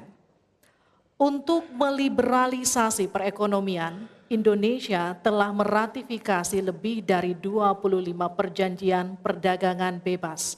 Tetapi pemanfaatannya belum optimal untuk mendorong ekspor dan investasi. Pertanyaannya, Bagaimana strategi paslon untuk mengoptimalkan pemanfaatan perjanjian-perjanjian tersebut guna meningkatkan ekspor dan memperkecil defisit neraca perdagangan? Waktu Bapak untuk menjawab dua menit, kami persilakan ketika Bapak mulai berbicara. Baik, menurut saya untuk mengoptimalkan pemanfaatan perjanjian-perjanjian, saudara sekalian, saya dan Bas Ganjar kebetulan Ganjar Mahfud ini sudah berdiskusi lama tentang ini. Sekurang-kurangnya ada tiga hal yang menjadi strategi kami. Pertama, mengutamakan diplomasi ekonomi. Sehingga para duta besar yang ada di luar negeri itu menurut Pak Jokowi pada saat awal-awal kami dilantik, duta besar itu adalah duta ekonomi. Optimalkan diplomasi ekonomi dengan negara-negara lain. Yaitu. Kemudian yang kedua, juga kami akan melakukan perdagangan untuk mengintegrasikan perdagangan nasional kita ini ke perdagangan global sehingga memenuhi standar-standar internasional untuk setiap apa yang kita punyai mau dimasukkan ke dunia global itu sudah jelas standarnya bisa diterima gitu. Dan kita juga membuat regulasi di sini agar tidak misalnya upaya perdagangan kita lalu diblokir atau dicurangi oleh teman-teman kita sendiri pelaku-pelaku ekonomi di dalam yang berintegrasi atau berkoalisi dengan pejabat-pejabat publik. Kemudian, saudara kalian, kami akan mengutamakan penguatan ekonomi nasional agar ekonomi nasional itu juga bisa tumbuh ke dalam sehingga nantinya masuk dengan strategi kedua tadi bahwa kualitas barang dagangan kita itu bisa diterima di luar negeri dan produktif sehingga juga tidak susah misalnya untuk diterima oleh dunia internasional. Saya kira itu bagian strategi yang sudah kami diskusikan dan selesai. Terima kasih Pak Harap tenang. Saya persilakan Pak Muhaimin untuk menanggapi jawaban dari Pak Mahfud tadi. Ya. Pak Mahfud, kalau diplomasi sebagai pemasaran itu normatif ya. Ini sudah menjadi pengetahuan umum. Yang paling penting itu adalah bagaimana nyelepet para diplomat berubah wajah menjadi pemasar-pemasar yang tangguh. Diplomasi pemasaran yang ekspansif itu tidak kita miliki. Karena memang seluruh cara kerja diplomasi kita masih politik dan sangat normatif. Yang kedua, kita bisa hadir di dalam dunia perdagangan global kalau kualitas produksi dalam negeri kita juga punya standar yang baik. Saya sampai hari ini sangat prihatin. Kita tidak ada satupun yang terus mengupgrade secara masif kualitas dan standar semuanya kayak dibiarkan tumbuh sendiri-sendiri gitu. Tidak ada satu gerakan yang lebih terstruktur baik dari Menteri Perdagangan, Menteri Koperasi UKM dalam satu gerakan meningkatkan kualitas berstandar internasional. Cukup Bapak? Harap tenang. Selanjutnya kita akan ke calon wakil presiden nomor urut 2, Bapak Gibran Raka Buming Raka untuk menanggapi. Waktunya satu menit, silahkan. Baik, terima kasih. Paslon nomor 1 dan 3 sudah bicara masalah diplomasi. Saya akan memberikan solusi yang konkret aja. Paling konkret, hilirisasi. Kita jangan mau lagi mengirim barang mentah. Kita harus mampu meningkatkan nilai tambah dalam negeri. Saya kasih contoh nikel. Dulu sebelum ada hilirisasi, kita ekspor hanya 3 miliar US dollars. Sekarang setelah hilirisasi bisa menjadi 33 miliar US dollars. Ini saya baru bicara masalah nikel loh Pak. Belum bicara masalah tembaga, boksit, timah, dan lain-lain. Konkret, jelas, singkat, padat, jelas. Terima kasih. Waktu Anda masih Waktu tersisa? Cukup? Cukup Bapak? Cukup. Baik. Baik. Kami kembalikan ke Pak Mahfud untuk menanggapi. Ya. Baik, terima kasih. Ini masalah diplomasi. Diplomasi Harap itu tenang. normatif. Mohon Nah, tenang. Sebenarnya, saudara sekalian, kalau diplomasinya selama tidak jalan, saya kira sistem rekrutmen diplomat sekarang ini harus ditinjau ulang. Dulu-dulu diplomat-diplomat kita tuh bagus. Ya, sekarang ini kadang-kala ada titipan dari partai. Kalau belum dari partai belum masuk itu tidak disahkan di DPR partai ini belum masuk. Nah sesudah bertugas tidak jelas, dia tidak ngerti, tidak punya pengertian dasar-dasar diplomasi. Sehingga kalau saya diberi kewenangan, nah, nanti diplomasi ini diatur kembalilah rekrutmennya itu. Betul-betul orang yang memenuhi syarat. Nah soal hilirisasi itu sudah masuk sebenarnya Mas Gibran. Saya tadi kan bicara soal penguatan ketahanan ekonomi nasional. Itu di dalamnya memang sudah ada hilirisasi dan industrialisasi yang aman lingkungan. Itu selesai. Terima kasih kita apresiasi. untuk ketiga calon wakil presiden kita di pemilu 2024. Dan kami persilakan para calon wakil presiden untuk kembali ke tempat duduk masing-masing. Silakan Bapak. Di segmen selanjutnya, ini seharusnya segmen yang kita tunggu-tunggu karena setelah ini mereka akan saling bertanya dan memberikan tanggapan. Interaksi antar kandidat akan dapat Anda saksikan di segmen selanjutnya dalam debat kedua calon wakil presiden pemilu 2024.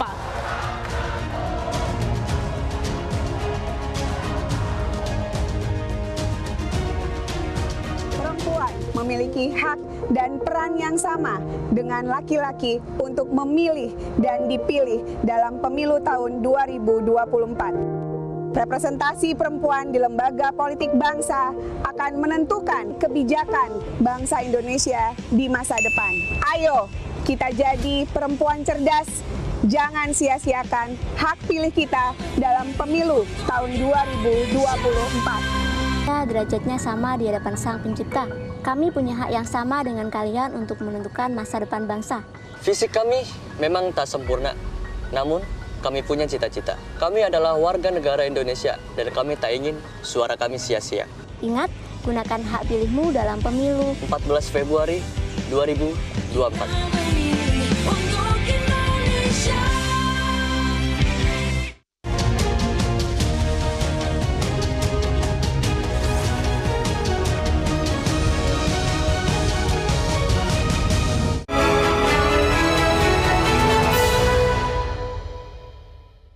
Dipersembahkan oleh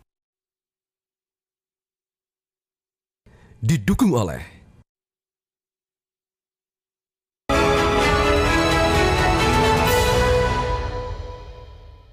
Dipersembahkan oleh Didukung oleh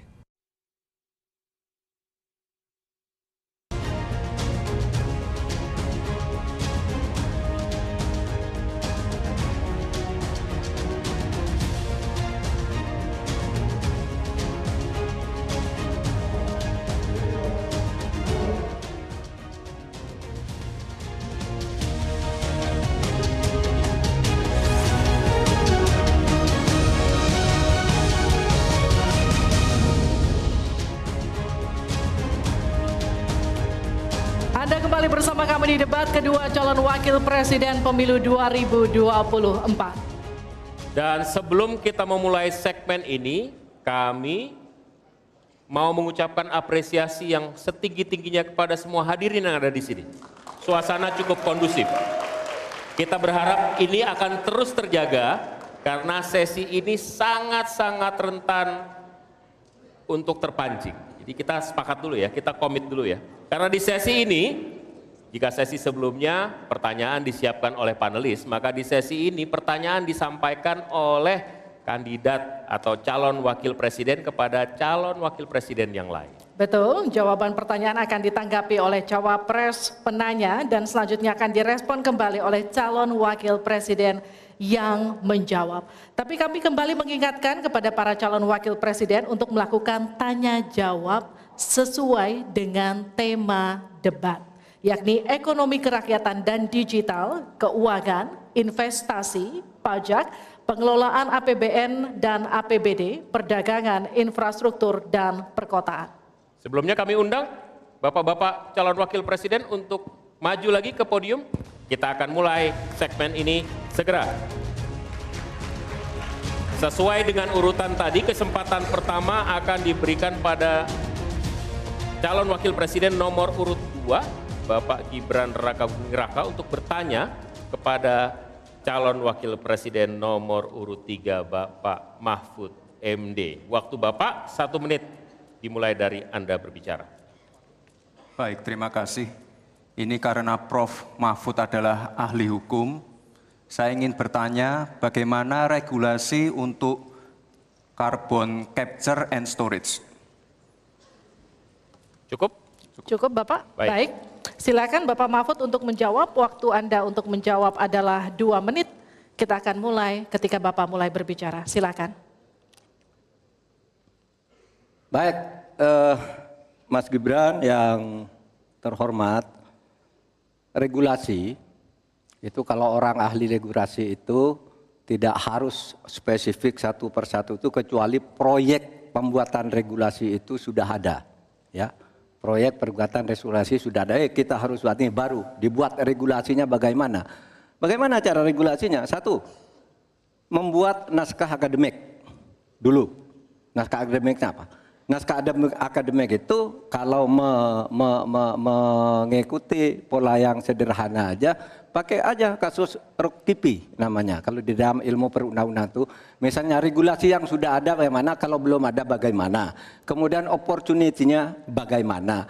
Kemudian kapasitas lembaganya bagaimana. Kemudian komunikasi publiknya bagaimana. Kemudian uh, uh, uh, ideologisnya bagaimana. Itulah yang disebut procipi dan prosedur tentu saja. Nah itu yang akan kita buat kalau saya ditanya bagaimana mengatur soal regulasi undang-undang tentang karbon dan sebagainya bukan hanya karbon dan dan itu. Jadi itu yang akan eh, kita lakukan. Tetapi sebenarnya ya yang terpenting itu bagi saya apa pun apa pun yang akan kita bangun itu kan harus ada sistem pengawasan keuangan. Barangkali Mas Gibran sudah tahu atau belum tahu juga karena ini baru. Pada tanggal 9 Desember kemarin itu sudah ada sebuah sistem SIPD namanya, Sistem Informasi Pemerintahan Daerah yang itu mengaitkan dengan APBN dan sebagainya sehingga ada pengawasan pengawasan terhadap uang itu mulai dari perencanaan, pelaksanaan sampai evaluasi dan sebagainya. Nah itu saya kira pedoman utamanya. Selesai. Cukup. Baik. Harap tenang. Masih belum Kita selesai. lanjutkan. Ini masih belum selesai nih. Kami berikan kesempatan kembali kepada Pak Gibran untuk menanggapi. Baik, terima kasih Pak. Kalau masalah SIPD ya tentu saya tahu Pak. Saya kan wali kota Pak. Saya pasti pakai SIPD untuk perencanaan anggaran kami Pak. Tapi kembali lagi ke pertanyaan saya Pak. Pak Prof Mahfud menjawab dua menit. Tapi pertanyaan saya belum dijawab sama sekali Pak. Apa regulasinya Pak untuk carbon capture and storage? Simple sekali Pak pertanyaan saya Pak. Mohon dijawab Pak. Dijawab sesuai pertanyaan yang saya tanyakan Pak. Nggak perlu ngambang ke mana-mana Pak. Terima kasih. Baik, cukup ya Pak ya. Kita lanjutkan. Silakan Pak Mahfud. Jadi begini Mas Gibran, di dalam ilmu hukum, misalnya saya tanya kepada Anda sekarang ya, bagaimana cara membuat aturan tentang antariksa nasional? Anda pasti tidak tahu. Jawab sekarang coba kalau pasti tidak tahu. Karena ya, Harap tenang. karena hukum itu perlu masalahnya dulu apa yang mau dibuat. Itulah kemudian dibuat naskah akademik menurut peraturan yang sekarang ada. Di dalam perpres itu disebutkan buat naskah akademik. Nah, akademik itu nanti dinilai bersama lalu dibahas gitu, rame-rame. Nah, naskah akademik itulah yang akan menentukan bagaimana prosedur, kemudian bagaimana sebenarnya materi-materi yang diperlukan untuk itu. Apakah ini sudah ada yang ngatur cuma namanya berbeda atau tidak. Nah itu semua kalau Anda tanya gimana sih cara membuat peraturan? Ya gampang, sesederhana itu aja kalau Anda ditanyakan hal baru. Jadi buat naskah akademik kita diskusikan. Nah itu sebuah prosedur karena Anda bicara membuat hukum. Selesai. Baik. Tenang. Kita lanjutkan. Kalau tadi kita sudah melihat bagaimana calon wakil presiden nomor urut 2 berhadapan dengan calon wakil presiden nomor urut 3, kini adalah kesempatan untuk calon wakil presiden nomor urut 3 berhadapan dengan calon wakil presiden nomor urut 1. Silakan Pak, waktu Anda. Bertanya satu menit. Kami persilakan Pak Mahfud.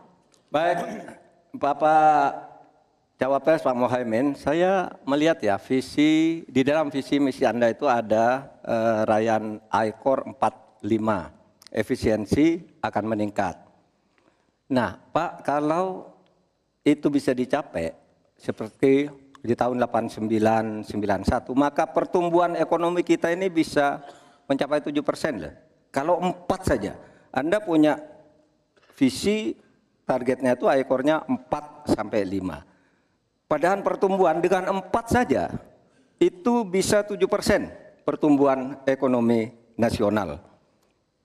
Sehingga dengan demikian saya kok jadi ingin tahu kenapa di dalam visi misi Anda tingkat pertumbuhan yang ditargetkan hanya 5 5 sampai 65. Kok tidak berani 7? Kalau 4 apalagi sampai 5 seharusnya berani sampai 7 selesai.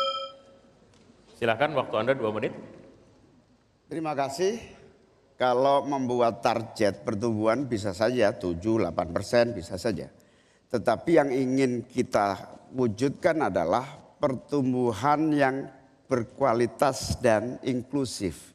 Di mana setiap pertumbuhan itu memiliki apa yang disebut sebagai dampak langsung di dalam penyerapan tenaga kerja, di dalam peningkatan pendapatan masyarakat, di dalam satu percepatan pemerataan pembangunan. Target 5,5 sampai 6 persen itu dengan kalkulasi agar kalau kita tidak terlampau realistis, kita khawatir ujung-ujungnya utang luar negeri lagi. Utang luar negeri yang terlampau banyak ini mengakibatkan beban bukan hanya pemerintahan hari ini, tetapi juga anak turun kita akan mengalami banyak beban utang yang panjang. Salah satunya adalah bagaimana agar APBN kita sehat, yang sekarang saja prosentasi 3.000 triliun APBN aja untuk membayar utangnya cukup tinggi. Sehingga mengurangi tidak kurang dari 20 persen APBN kita untuk membayar utang luar negeri. Sehingga target yang berjumlah 5,5 persen sampai 6,5 persen itu realistis yang akan tidak membebani bagi proses pembangunan kita di masa yang akan datang. Di sisi yang lain kita pasti tahu bahwa salah satu syarat-syarat pertumbuhan yang bisa sehat itu adalah apabila investasi yang masuk juga tidak menjadi beban baru bagi pembangunan nasional kita. Apa beban baru itu? Yaitu tingginya tanggungan bunga-bunga yang harus terutama kalau utang G2G yang menjadi beban berat bagi APBN kita hari ini dan di masa-masa yang akan datang. Cukup Bapak? Baik, selanjutnya dipersilakan untuk Pak Mahfud MD untuk kembali menanggapi waktunya satu menit silakan Bapak. Iya begini Pak, kami Ganjar Mahfud itu mentargetkan pertumbuhan ekonomi kita itu 7 persen. Itu hitung hitungannya mudah. Tadi saya sudah sebut di, di, di pertama. Betapa saya menyelamatkan korupsi yang diurus kantor langsung saya aja 677 triliun. Itu kalau dibagi ke UMKM, itu luar biasa. Kemudian yang ditemukan oleh ICW sejak tahun 2014 yang sudah inkrah korupsi itu berapa? 233,7 triliun. Nah ini kalau kita pangkas melalui penegakan hukum yang benar, ini bisa mencapai tujuh. Tapi Anda menyimpang dari rumus yang selama ini terjadi. Kalau Anda berani dengan ekor empat saja, Anda pasti bisa tujuh persen. Pasti bisa tujuh persen, apalagi empat sampai lima. Nah ini Anda menetapkan segini, tapi pertumbuhan ekonominya cuma 5,6. Secara matematis agar kurang cepat. Selesai. Silakan ditanggapi. Ditanggapi Ya. Pak Muhammad. Tentu saya sangat setuju. Bukan hanya pemberantasan korupsi yang membawa pemasukan bagi APBN kita, menjaga kebocoran APBN kita, tetapi juga pendapatan negara bukan pajak yang juga menjadi bagian dari andalan. Akan tetapi kita juga harus realistis bahwa 7% itu bisa jadi cuma omong kosong di mana kenyataannya setelah APBN kita jalan sampai hari ini aja 5% yang diterapkan oleh pemerintah hari ini juga masih mengalami banyak kontraksi. Dalam arti utang luar negeri masih menjadi andalan utama sekaligus kita juga men- menyaksikan bagaimana 5% itu realnya di lapangan tidak sampai 5%. Sehingga saya khawatir kalau target 7% itu dipaksakan ujungnya bukan pertumbuhan yang sehat tetapi pertumbuhan semu yang keropos. Baik, Tenang, kita lanjutkan. ya. Interaksi antara tiga dan satu sudah selesai. Sekarang giliran interaksi antara satu dan dua. Pak Muhaimin silahkan bertanya kepada Pak Gibran dan kemudian akan ditanggapi. Waktu Anda satu menit untuk bertanya. Terima kasih Pak Gibran. Pak Gibran ini telah berhasil menjadi wali kota sekaligus pengusaha yang sukses. Bahkan berbagai proyek-proyek besar telah berhasil dibangun di eh, Solo. Ini menjadi prestasi, tetapi kita ingin prestasi ini ditularkan kepada yang lain. Saya ingin Pak Gibran menyampaikan tips and tricks agar bupati, wali kota, dan pemerintah daerah yang lain bisa belajar agar proyek-proyek besar bisa di, ada dimasukkan di kota Solo. Bagaimana caranya ini? Tenang. Itu. Cukup? Cukup. Baik. Cukup. Silahkan waktu Anda. Pak Gibran, waktu Anda dua menit untuk menanggapi. Baik, Gus Muhaimin, saya jelaskan ya. Sekarang Indonesia itu sudah memulai yang namanya pemerataan pembangunan. Yang dibangun bukan hanya Solo saja. 53 persen investasi kita sudah ada di luar Jawa. Kalau kita pengen fair ya Gus, jumlah Tenang. Mohon tenang, Tenang, mohon tenang, tenang. tenang, jumlah tenang. jumlah proyek, jumlah anggaran yang digelontorkan ke Solo sebelum saya jadi wali kota itu lebih besar. Saya tahulah ini arah pertanyaannya ke mana. Tapi yang jelas ini Gus, apa yang sudah dibangun, yang kita lihat bukan bangunan fisiknya saja. Tapi kita lihat impactnya ke warga. Bangun masjid menggunakan CSR dari Abu Dhabi. Impactnya apa? UMKM kita sekarang melesat, wisata kita melesat. Kemarin waktu Idul Fitri, kunjungan wisatawan ke Solo melebihi Jogja. Itu impactnya. Lalu kita lihat, kita punya kebun binatang Solo Safari, tidak pakai APBN. Masjid tidak pakai APBN. Tapi impactnya apa? Impactnya ke masyarakat. Jadi yang kita lihat ini Gus, tidak perlu tendensius seperti itu. Kita lihat impactnya ke warga seperti apa. UMKM meningkat, kesejahteraan meningkat, lapangan pekerjaan terbuka. Itu yang kita lihat Gus. Jadi tidak tidak melihat, oh ini dia anak emaskan. Enggak. Pemerataan pembangunan itu sudah terjadi di mana-mana, bukan hanya di Solo. Dan itu fakta loh Gus. Proyek di Solo sebelum saya menjabat itu lebih banyak. Fakta itu. Terima kasih. Kita akan lanjutkan. Masih lanjut ini, masih lanjut ini. Silakan Pak Muhaimin untuk menanggapi waktunya satu menit. Ya, yang saya tanyakan belum dijawab. Saya itu Tenang. saya itu tanya tips and triknya agar investasi ataupun eh, proyek-proyek besar bisa di sana. Sebab saya lihat itu ada 32 proyek pemerintahan pusat, ada juga berbagai program-program yang luar biasa, patut patut patut kita banggakan. Dibandingkan dengan misalnya Kota Madiun yang hanya 11 persen, Cirebon hanya 7 persen, Tasikmalaya. Kita ingin triknya apa? Sehingga akses pendanaan pembangunan itu bisa bersifat adil dan merata. Bukan hanya di satu kota, tenang, tapi tenang. berada di seluruh. Kita lanjutkan. Ini yang menjadi catatan saya adalah keadilan dalam melaksanakan APBN. Kalau kita jadi pemerintah pusat nanti, tugas kita adalah membagi secara adil seluruh proyek-proyek nasional kita. Cukup? Cukup. Silakan Pak Gibran untuk menanggapi. Waktunya satu menit, silakan. Mohon tenang, mohon tenang. Baik Gus, saya jawab lagi. Sebelum ada proyek dari pusat masuk, ki- kita ya, para wali kota ya harus menyiapkan yang namanya readiness kriteria. Kalau nggak ada itu, nggak mungkin proyek itu masuk. Dua, kita sebagai wali kota harus menyiapkan hal-hal non teknis, Relo- relokasi, nego dengan warga-warga bantaran sungai, bantaran rel kereta api. Itu Gus. Satu. Lalu kita juga harus berkolaborasi. Tidak semuanya pakai APBN. Ada yang pakai APBN plus APBD plus dibantu. Saya sering dibantu Pak Ganjar, gubernur saya. Ini kolaborasi.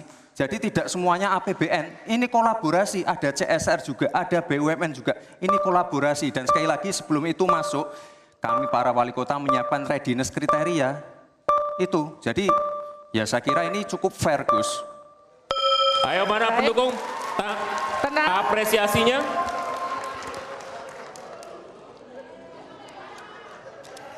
Kita berikan apresiasi untuk seluruh calon wakil presiden malam hari ini. One on one sesi pertama sudah lewat, masih ada satu segmen lagi. Ketika calon wakil presiden bertanya dan berinteraksi dengan calon wakil presiden lainnya. Tetaplah bersama kami di debat kedua calon wakil presiden pemilu.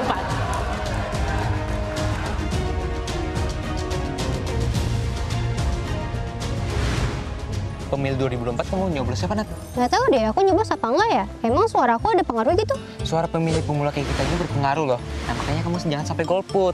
Kita harus berprestasi dalam pemilu 2024. Generasi Z kayak kita ini menentukan masa depan bangsa. Anak muda membangun bangsa. Gak milih, gak keren.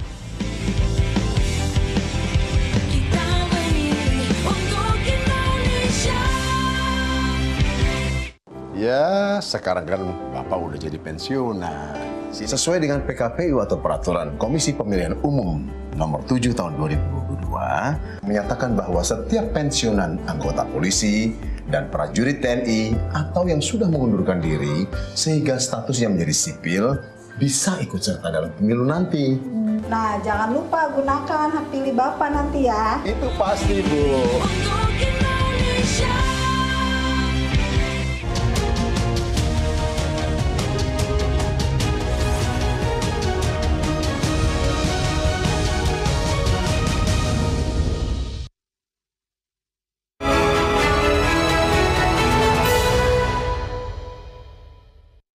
Dipersembahkan oleh Didukung oleh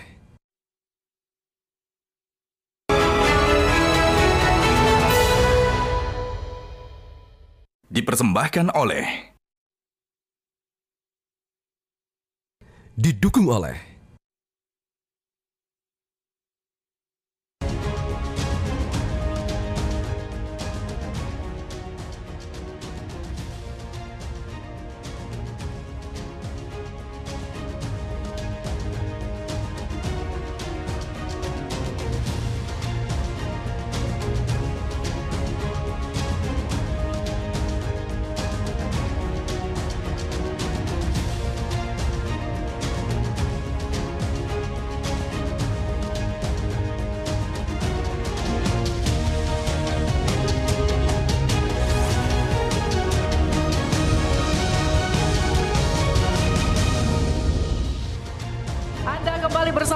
di debat kedua calon wakil presiden pemilu 2024. Kita akan lanjutkan segmen tanya jawab antar calon wakil presiden di segmen ini. Jika sebelumnya kita mulai dengan calon wakil presiden nomor urut 2 yang bertanya, segmen ini kita akan mulai dengan sebaliknya yakni calon wakil presiden nomor urut 3 yang akan bertanya kepada cawapres nomor urut 2 namun kami akan kembali mengingatkan kepada para calon wakil presiden untuk melakukan tanya jawab sesuai dengan tema debat malam hari ini yakni ekonomi, kerakyatan dan digital, keuangan, pajak, pengelolaan APBN dan APBD, investasi, perdagangan, infrastruktur dan perkotaan. Untuk itu kami undang kembali Silakan para Bapak-bapak. calon wakil presiden untuk kembali menempati podium masing-masing. Kita dengarkan pertanyaan dari Cawapres 3 ke Cawapres 2. Sama rulenya seperti tadi Pak Mahfud. Waktu Anda kami persilahkan. Satu menit, silakan Bapak. Baik, terima kasih eh, moderator. Anda mengingatkan agar kembali ke tema debat. Karena tadi pertanyaannya itu carbon capture itu nanti eh, debat keempat tanggal 21 Januari. Tapi saya tahu itu kan untuk apa menghindari tidak adanya regulasi sekarang ini agar tidak lagi terjadi penggundulan karena eh, food estate seperti yang terjadi. Saya sekarang mau bertanya dalam topik ini. Di dalam visi dan misi Anda disebut kalau rasio pajak dinaikkan menjadi 23 persen. Dalam simulasi kami, angka itu hampir tidak masuk akal. Karena pertumbuhan ekonomi bisa bisa 10 Padahal selama ini pertumbuhan ekonomi 5-6 gitu. Itu kalau Anda bisa menaikkan rasio pajak sampai segitu bisa 10 persen. Lalu bagaimana Anda mau menaikkan pajak? Orang mau apa namanya eh, insentif pajak aja orang tidak ngambil. Terima kasih. Assalamualaikum warahmatullahi wabarakatuh. Waalaikumsalam warahmatullahi Silakan cawapres nomor urut 2 untuk menjawab waktu Anda 2 menit. Prof Mahfud, yang namanya menaikkan rasio pajak dan menaikkan pajak itu beda. Satu, gimana caranya menaikkan penerimaan pajak atau menaikkan rasio pajak? Saya tadi sudah bilang di segmen sebelumnya, kita akan membentuk badan penerimaan pajak dikomandoi langsung oleh presiden sehingga akan mempermudah koordinasi dengan kementerian-kementerian terkait. Itu. Jadi DJP dan Bea Cukai akan dilebur jadi satu sehingga fokus dalam penerimaan negara saja, tidak akan mengurusi lagi masalah pengeluaran. Lalu sekali lagi digitalisasi penting. Saya melihat di Kementerian Keuangan juga sudah menyiapkan, tapi mungkin aplikasinya masih pada tahap uh, testing and enrichment. Kita melihat sudah ada Tercox uh, Cortex System yang akan disiapkan. Ini nanti akan mempermudah proses bisnis, mempermudah uh, proses administrasi, memperbaiki pelayanan pajak. Misalnya sekarang uh, nanti ketika sistemnya itu keluar, uh, ketika kita akan melaporkan SPT tahunan, kita tidak perlu lagi mengisi dan menghitung karena sistemnya sudah pre-populated sehingga tinggal klik klik klik klik tinggal konfirmasi selesai mempermudah. Lalu untuk masalah pertumbuhan ekonomi Pak tadi saya bicara masalah hilirisasi bicara masalah investasi. Sekali lagi Pak tadi saya baru bicara masalah nikel. Kita belum bicara masalah tembaga boksit timah tembaga bioetanol bioaftur biodiesel. Oh kita kalau serius ya Pak ya kita benar-benar bisa menjadi raja energi dunia, Pak. Tapi kita harus serius dan harus fokus dan ada harus ada keberlanjutan dan penyempurnaan. Matur nuwun Prof Mahfud.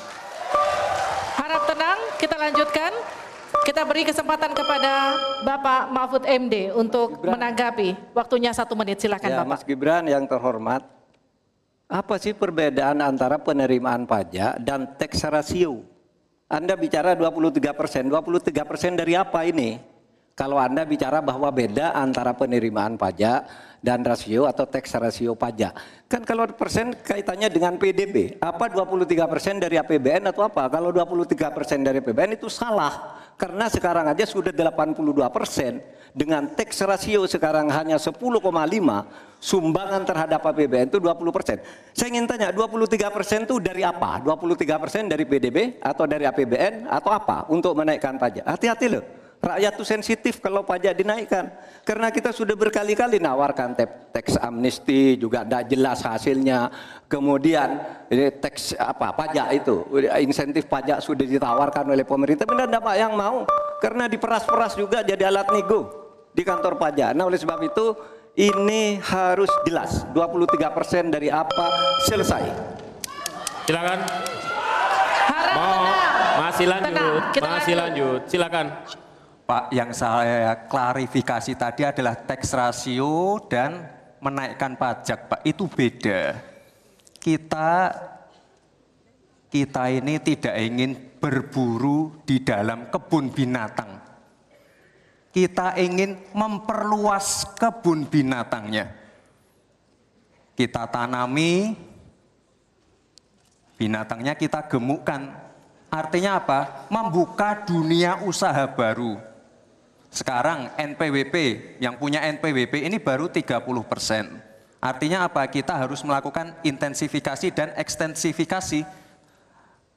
Saya tahu pasti pada negatif thinking. Tidak, kita tidak akan memberatkan UMKM yang di bawah omsetnya 500 juta, pajaknya nol. Pengen modal 200 juta, kur. Tanpa agunan. Nggak ada yang memberatkan, Mbak. Terima kasih. Baik. Baik. Harap tenang kita lanjutkan. Tenang, kita lanjutkan. Kali ini saya akan mempersilahkan untuk calon wakil presiden nomor urut 1 untuk memberikan pertanyaan ke calon wakil presiden nomor urut 3. Bapak Muhaimin Iskandar, waktu Anda untuk bertanya adalah satu menit. Saya persilahkan. Terima kasih Pak Mahfud yang saya hormati. Pemasukan negara itu salah satunya adalah dari kepemilikan lahan yang luas. Banyak kepemilikan lahan yang berlebihan akumulasi kekayaan hanya di segelintir orang dan selalu menjadi topik yang belum pernah selesai sampai hari ini. Pertumbuhan ekonomi yang tinggi hanya dinikmati oleh segelintir orang karena akses kepemilikannya juga terbatas. Pemerataan menjadi kata yang tidak bermakna. Maka saya ingin pendapat Pak Mahfud bagaimana mewujudkan keadilan sosial dimulai dari pemerataan kepemilikan tanah, akses dan lahan. Karena kalau sampai hari ini begitu, maka tidak akan pernah ada kemampuan rakyat untuk mengakses modal ekonomi. Terima kasih. Baik, silakan Pak Mahfud untuk menjawab waktu Anda untuk menjawab dua menit, kami persilakan Bapak. Caimin, itu diskusi sudah lama. Sejak zaman Bung Karno itu dulu mengeluarkan undang-undang land reform, redistribusi lahan itu tadi. Yang sampai sekarang itu tidak jalan meskipun undang-undangnya masih berlaku. Kenapa? Lagi saya katakan, ini pada aparat, pada kedisiplinan kita, pada penegakan hukum kita. Itu masalahnya sebenarnya. Coba sekarang ini, kalau data yang pernah saya dengar dari Pak Prabowo beberapa tahun lalu, satu persen penduduk menguasai 75 persen lahan. 99 persen penduduk berebut mengelola hanya 20 persen lahan sisanya. Memang timpang. Oleh sebab itu upaya-upaya pemerataan itu harus terus dilakukan. Nah caranya, nah, saya sebelum masuk ke caranya tadi, caranya tentu kita lihat fakta yang ada di lapangan. Betapa sekarang ini banyak lahan itu diperoleh secara kolusi yang tidak jelas. Saya pernah dikritik, Pak kenapa ini pemerintah ini sekarang kok lahannya tidak jelas? Diserahkan ke orang semua, rakyat tidak kebagian. Saya tanya, mana daftar lahan? Saya minta ke Kementerian Pertanian. Oh ini dibuat tahun sekian, ini tahun sekian, ini tahun sekian, tahun sekian. Saya tahu di mana masalahnya dan siapa yang membuat ini. Ini yang harus ditertibkan. Apalagi sekarang lahan-lahan ini tiba-tiba diduduki orang. Diduduki orang sampai puluhan tahun, negara diam aja. Bahkan mau diberi ampun kemarin itu, diberi pengampunan pajak. Saya bilang ini harus pidana masuk. Itu dia menguasai tanah 22 tahun tidak bayar pajak lalu diberi ampun asal mulai baik-baik kembalikan seandainya pajak Anda bisa saya bilang. Nah sekarang dia ini sudah masuk pidana dan sudah inkrah. Nah itu saya kira jalan yang keluarnya itu kedisiplinan kita menegakkan aturan. Itu saja saya kira jawaban yang yang menurut saya simpel dan tepat selesai. Baik. Silakan Pak Muhaimin untuk tenang, memberikan tenang. tanggapan dari jawaban Pak Mahfud tadi. Terima kasih. Yang disampaikan Pak Mahfud kurang satu hal saja, yaitu harus ada political will, kemauan politik yang sungguh-sungguh, sekaligus memanfaatkan instrumen hukum yang memadai. Saya ingat debat pilpres lima tahun yang lalu ada komitmen untuk membagi lahan dengan menggunakan land reform dengan istilah e, e, menurut waktu itu kita istilahkan dengan e, e, distribusi kepemilikan lahan. Sehingga yang ingin saya tegaskan dari e, jawaban Pak Mahfud tadi adalah instrumen instrumen hukum harus dipakai secara optimal diikuti dengan kemauan dan kesungguhan politik, bukan hanya retorika politik. Oleh karena itu agar tanah-tanah yang dikuasai oleh segelintir orang terdistribusi dan rakyat ikut menikmati terutama untuk lahan-lahan pertanian yang lebih produktif. Terima kasih. Silakan langsung ditanggapi Pak Mahfud, waktu Anda. Ya, memang begitu kan dari program yang kami lakukan, kita akan melakukan redistribusi tanah dulu dalam lima tahun terakhir ini bahkan ada kan pembagian tanah untuk rakyat agar merata. Lalu ada sejuta sertifikat. Setahu saya sejuta sertifikat itu memang sudah dibagi, tetapi itu untuk mereka yang memang sudah menempati tanah itu. Nempat itu lalu diberi sertifikat. Lahan yang lain itu belum dibagi terhadap orang yang belum punya. Nah itulah yang akan kita kerjakan besok dalam rangka redistribusi tanah itu. Itu betul Pak Muhaimin, betul 100% bahwa masalahnya political will. Di antara political will yang paling penting itu adalah penegakan hukum. Political will untuk menegakkan hukum itu adalah kuncinya. Aturannya semua sudah ada, tapi kemudian bocor di mana-mana, tidak jalan di mana-mana. Banyak tanah orang tidak pernah dijual tiba-tiba dirampas orang lain dan dia tidak berdaya. Nah itulah masalahnya, Cak Imin. Selesai. Tuntas. Terima kasih. Kita lanjutkan. Tenang. Tenang. Kita lanjutkan. Sekarang adalah waktu untuk cawapres nomor urut 2 bertanya dengan cawapres nomor urut 1. Bapak Gibran Raka Buming Raka, Anda dipersilakan untuk bertanya kepada Bapak Muhaimin Iskandar. Waktu bertanya satu menit, saya persilakan. Baik, terima kasih. Karena Gus Muhaimin ini, Gus Muhaimin ini adalah ketua, ketua umum dari Partai PKB. Saya yakin sekali Gus Muhaimin paham sekali untuk masalah ini. Bagaimana langkah Gus Muhaimin untuk menaikkan peringkat Indonesia di SGIE? Terima kasih. SGIE. Cukup Bapak? Bapak Gibran cukup? Cukup. Baik, silakan. Bapak Muhaimin untuk menjawab, waktu Anda menjawab dua menit, kami persilakan. Terus terang SGIE saya nggak paham. SGIE itu apa? Tenang. Stop, stop. Uh, ada lagi pertanyaan atau ini waktu Anda untuk memberikan jawaban waktunya dua menit. Oke. Okay. Kalau Anda menggunakan untuk bertanya, waktu akan habis. Tidak apa-apa? Tidak apa-apa karena okay. saya tidak pernah mendengar istilah SGI itu. Siap. Waktu Kami persilakan. Di stop, kita alihkan ke Pak Gibran. Waktu Anda satu menit. Satu menit. Baik, Gus, kita kan sedang fokus mengembangkan ekonomi syariah, keuangan syariah. Otomatis kita harus ngerti juga masalah SGE. SGE itu adalah State of Global Islamic Economy. Misalnya sekarang yang sudah masuk peringkat 10 besar adalah makanan halal kita, skincare halal kita, fashion kita. Nah, itu yang saya maksud Gus. Dan Ya mohon maaf kalau pertanyaannya agak sulit ya Gus. Terima kasih. Harap tenang. Uh, mohon mohon tenang. mohon kerjasamanya. Waktu Anda, Pak Muhaimin, satu menit untuk menanggapi. Terima kasih. Memang pertanyaan ini sungguh penting karena Indonesia dengan jumlah umat Islam yang terbanyak di dunia sekaligus bukan saja sebagai pasar ekonomi syariah pasar pariwisata halal, pasar perbankan syariah. Tetapi sekaligus punya potensi menjadi pusat ekonomi syariah dunia. Nah posisi kita yang masih di bawah ini membutuhkan langkah-langkah penting agar yang disebut SGEE ini menjadi kita menaikkan peringkat kita. Ada beberapa hal yang bisa kita lakukan. Yang pertama, yang harus dilakukan pemerintah adalah menyiapkan seluruh perangkat regulasi agar tumbuh kembang seluruh industri halal termasuk bagaimana membantu sertifikasi secara murah bahkan gratis terutama bagi UMKM kita. Habis waktunya kita berikan aplaus terlebih dahulu kepada tiga calon wakil presiden yang sudah berinteraksi.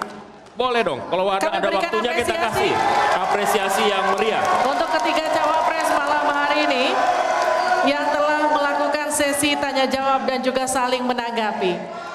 Sudah ada Baik. tiga, sudah ada tiga fase yang kita lewati, menyampaikan visi dan kemudian uh, program kerja, kemudian menjawab pertanyaan dari panelis dan berinteraksi satu sama lain. Masih ada satu sesi lagi yang kita sisakan memberikan pernyataan penutup.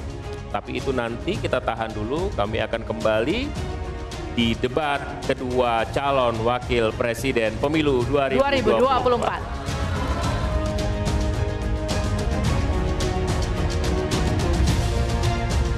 nama kamu udah terdaftar di cek DPT online belum?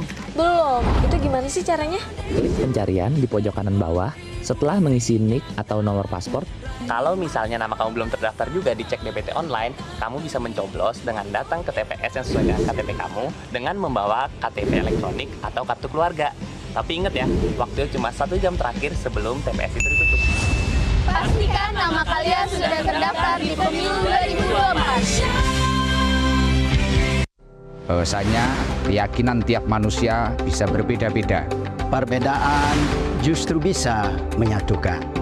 Toleransi adalah bagian dari demokrasi. Puli rakyat adalah kita. Jangan sia-siakan hak pilihan.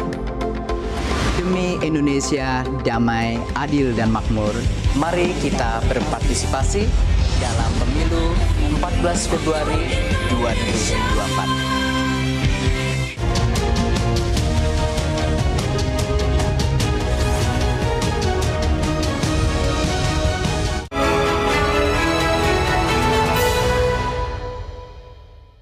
Dipersembahkan oleh Didukung oleh Dipersembahkan oleh Didukung oleh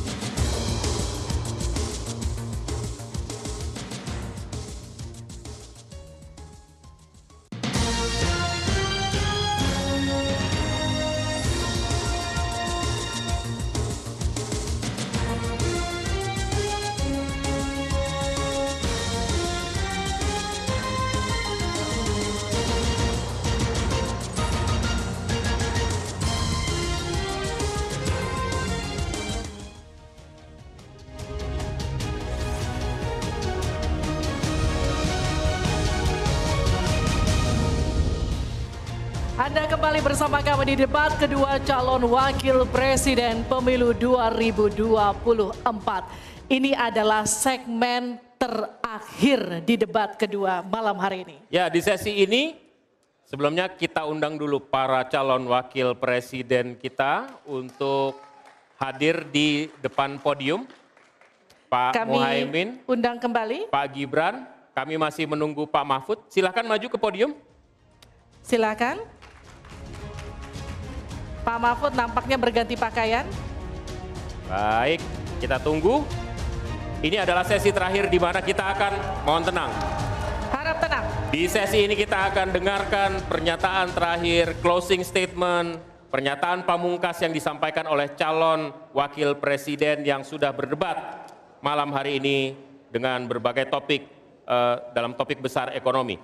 Kesempatan pertama kami berikan kepada calon wakil presiden nomor urut satu Bapak Muhaimin Iskandar untuk menyampaikan pernyataan penutup. Waktu Anda dua menit. Terima kasih. Sarung adalah simbol kesetaraan dan keadilan. Sarung itu lembut, tapi di tangan orang yang baik bisa jadi selepet atas ketidakadilan dan kecurangan. Yang tidak ada dalam kebijakan ekonomi kita saat ini adalah keberanian untuk mewujudkan aturan main yang adil dan keberanian untuk berpihak kepada rakyat. Itulah kenapa kami menggagas Slepetnomics sebagai solusi ekonomi kita. Segala ketidakadilan kita selepet. Slepetnomics adalah gagasan ekonomi yang sudah diuji oleh para pakar dan berbasis pada pengalaman batin dan juga pengalaman rasa.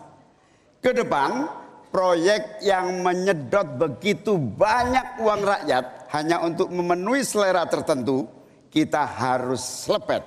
Kita hadirkan perubahan berupaya berupa pemerataan dan pembangunan kota-kota dan desa-desa di seluruh Indonesia.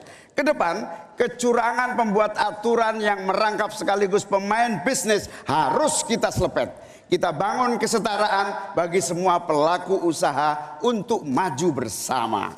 Dengan Slepetnomik kita pastikan pembangunan ekonomi Indonesia dikerjakan pakai hati, pakai otak. Sekali lagi, pembangunan Indonesia dilaksanakan pakai hati, pakai otak. Mari kita berdoa, semoga insya Allah saya dan Mas Anies memimpin Indonesia, kita kerjakan pembangunan dengan menggunakan pakai hati, pakai otak. Semoga kita senantiasa diberi kekuatan untuk mewujudkan perubahan bagi bangsa kita. Amin. Baik. Ingin dimanfaatkan waktunya cukup Bapak? Kita lanjutkan ke calon wakil presiden nomor urut 2, Bapak Gibran Raka Buming Raka untuk menyampaikan pernyataan penutup. Waktunya dua menit, kami persilahkan Bapak.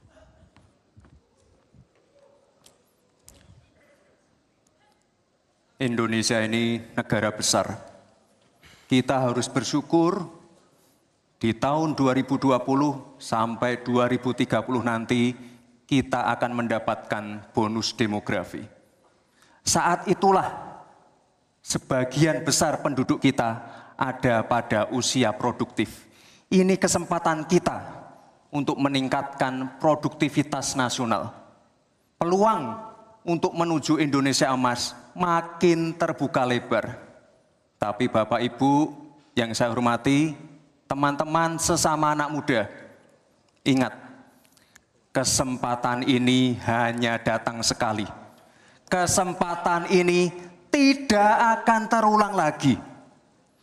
Untuk itu kita harus kerja keras, kerja fokus, berani melakukan lompatan saya ucapkan terima kasih kepada Pak Prabowo yang sudah memberikan saya kesempatan untuk ikut andil dalam kontestasi ini. Saya sangat bangga sekali saya menjadi bagian dalam perjalanan menuju Indonesia Emas. Saya ucapkan terima kasih juga Prof. Mahfud, Gus Muhaimin, saya sangat senang sekali bisa satu panggung dengan orang-orang hebat seperti ini. Senang sekali anak muda bisa bertukar pikiran dengan ketua umum partai dan seorang profesor. Sekali lagi, terima kasih anak-anak muda harus saling mendukung, anak-anak muda harus saling bergandengan tangan. Saya yakin Indonesia emas bisa tercapai. Terima kasih. Wassalamualaikum warahmatullahi wabarakatuh. Selamat Natal dan Tahun Baru. Baik, terima kasih. Harap tenang, kita akan Kita masih melanjutkan. dalam sesi, mohon tenang. Waktu belum selesai. Kami persilakan selanjutnya calon wakil presiden nomor urut 3 Bapak Mahfud MD untuk menyampaikan Saudara-saudara seluruh bangsa Indonesia, kami Ganjar dan Mahfud ingin memastikan untuk menyelenggarakan negara yang bersih melalui penegakan hukum tanpa pandang bulu. Ganjar Mahfud menyiapkan 21 program unggulan senilai 2.500 triliun rupiah selama lima tahun, yaitu satu, 17 juta lapangan kerja. Satu, dua, satu desa, satu fasket, satu nakes. Tiga, uang saku kader posyandu. Empat, 10 juta hunian. Punya rumah semudah punya motor. Lima, sekolah dapat gaji, lulus pasti kerja. Enam, satu keluarga miskin, satu sarjana. Tujuh, perempuan maju. Delapan, buruh naik kelas. Sembilan, kuliah gratis untuk anak prajurit dan bayangkara. Sepuluh, mudah berusaha termasuk UMKM dan koperasi. Sebelas, masjid sejahtera, pengurus masjid terlindungi. Dua belas, guru ngaji dan guru agama lain digaji. Pasokan pangan aman, harga enak di kantong. Lansia bahagia, anak cucu gembira. 15 petani bangga bertani. 16 di laut kita jaya nelayan sejahtera. 17 disabilitas mandiri berprestasi. Satu desa, satu mobil akses. 18 internet super cepat, gratis dan merata. 19 bansos pasti lanjut tapi harus tepat sasaran. 20 sikat KKN dan terakhir KTP Sakti. Segala kebijakan pemerintah harus mengutamakan mengutamakan kemakmuran dan kesejahteraan rakyat termasuk memelihara fakir, miskin dan anak terlantar seperti ketentuan pasal 34 ayat 1 Undang-Undang Dasar. Semoga niatan baik dan keikhlasan kami mendapat ganjaran ilahi dan tercatat di Lauhil Mahfuz. Selesai. Kita berikan aplaus dan apresiasi yang paling meriah untuk ketiga calon wakil presiden kita. Saya undang Pak Muhaimin, Pak Gibran, dan Pak Mahfud untuk ada di tengah. Untuk ada di tengah lingkaran merah ini. Kami juga memohon agar Pak Anies, Pak Prabowo, dan Pak Ganjar mendampingi calon-calon wakil presiden masing-masing. Kami persilakan Ini para dah calon presiden. calon-calon pemimpin kita yang dapat Anda pilih nanti di tanggal 14 Februari 2024. Jelajahi cara baru mendapatkan informasi. Download Metro TV Extend sekarang.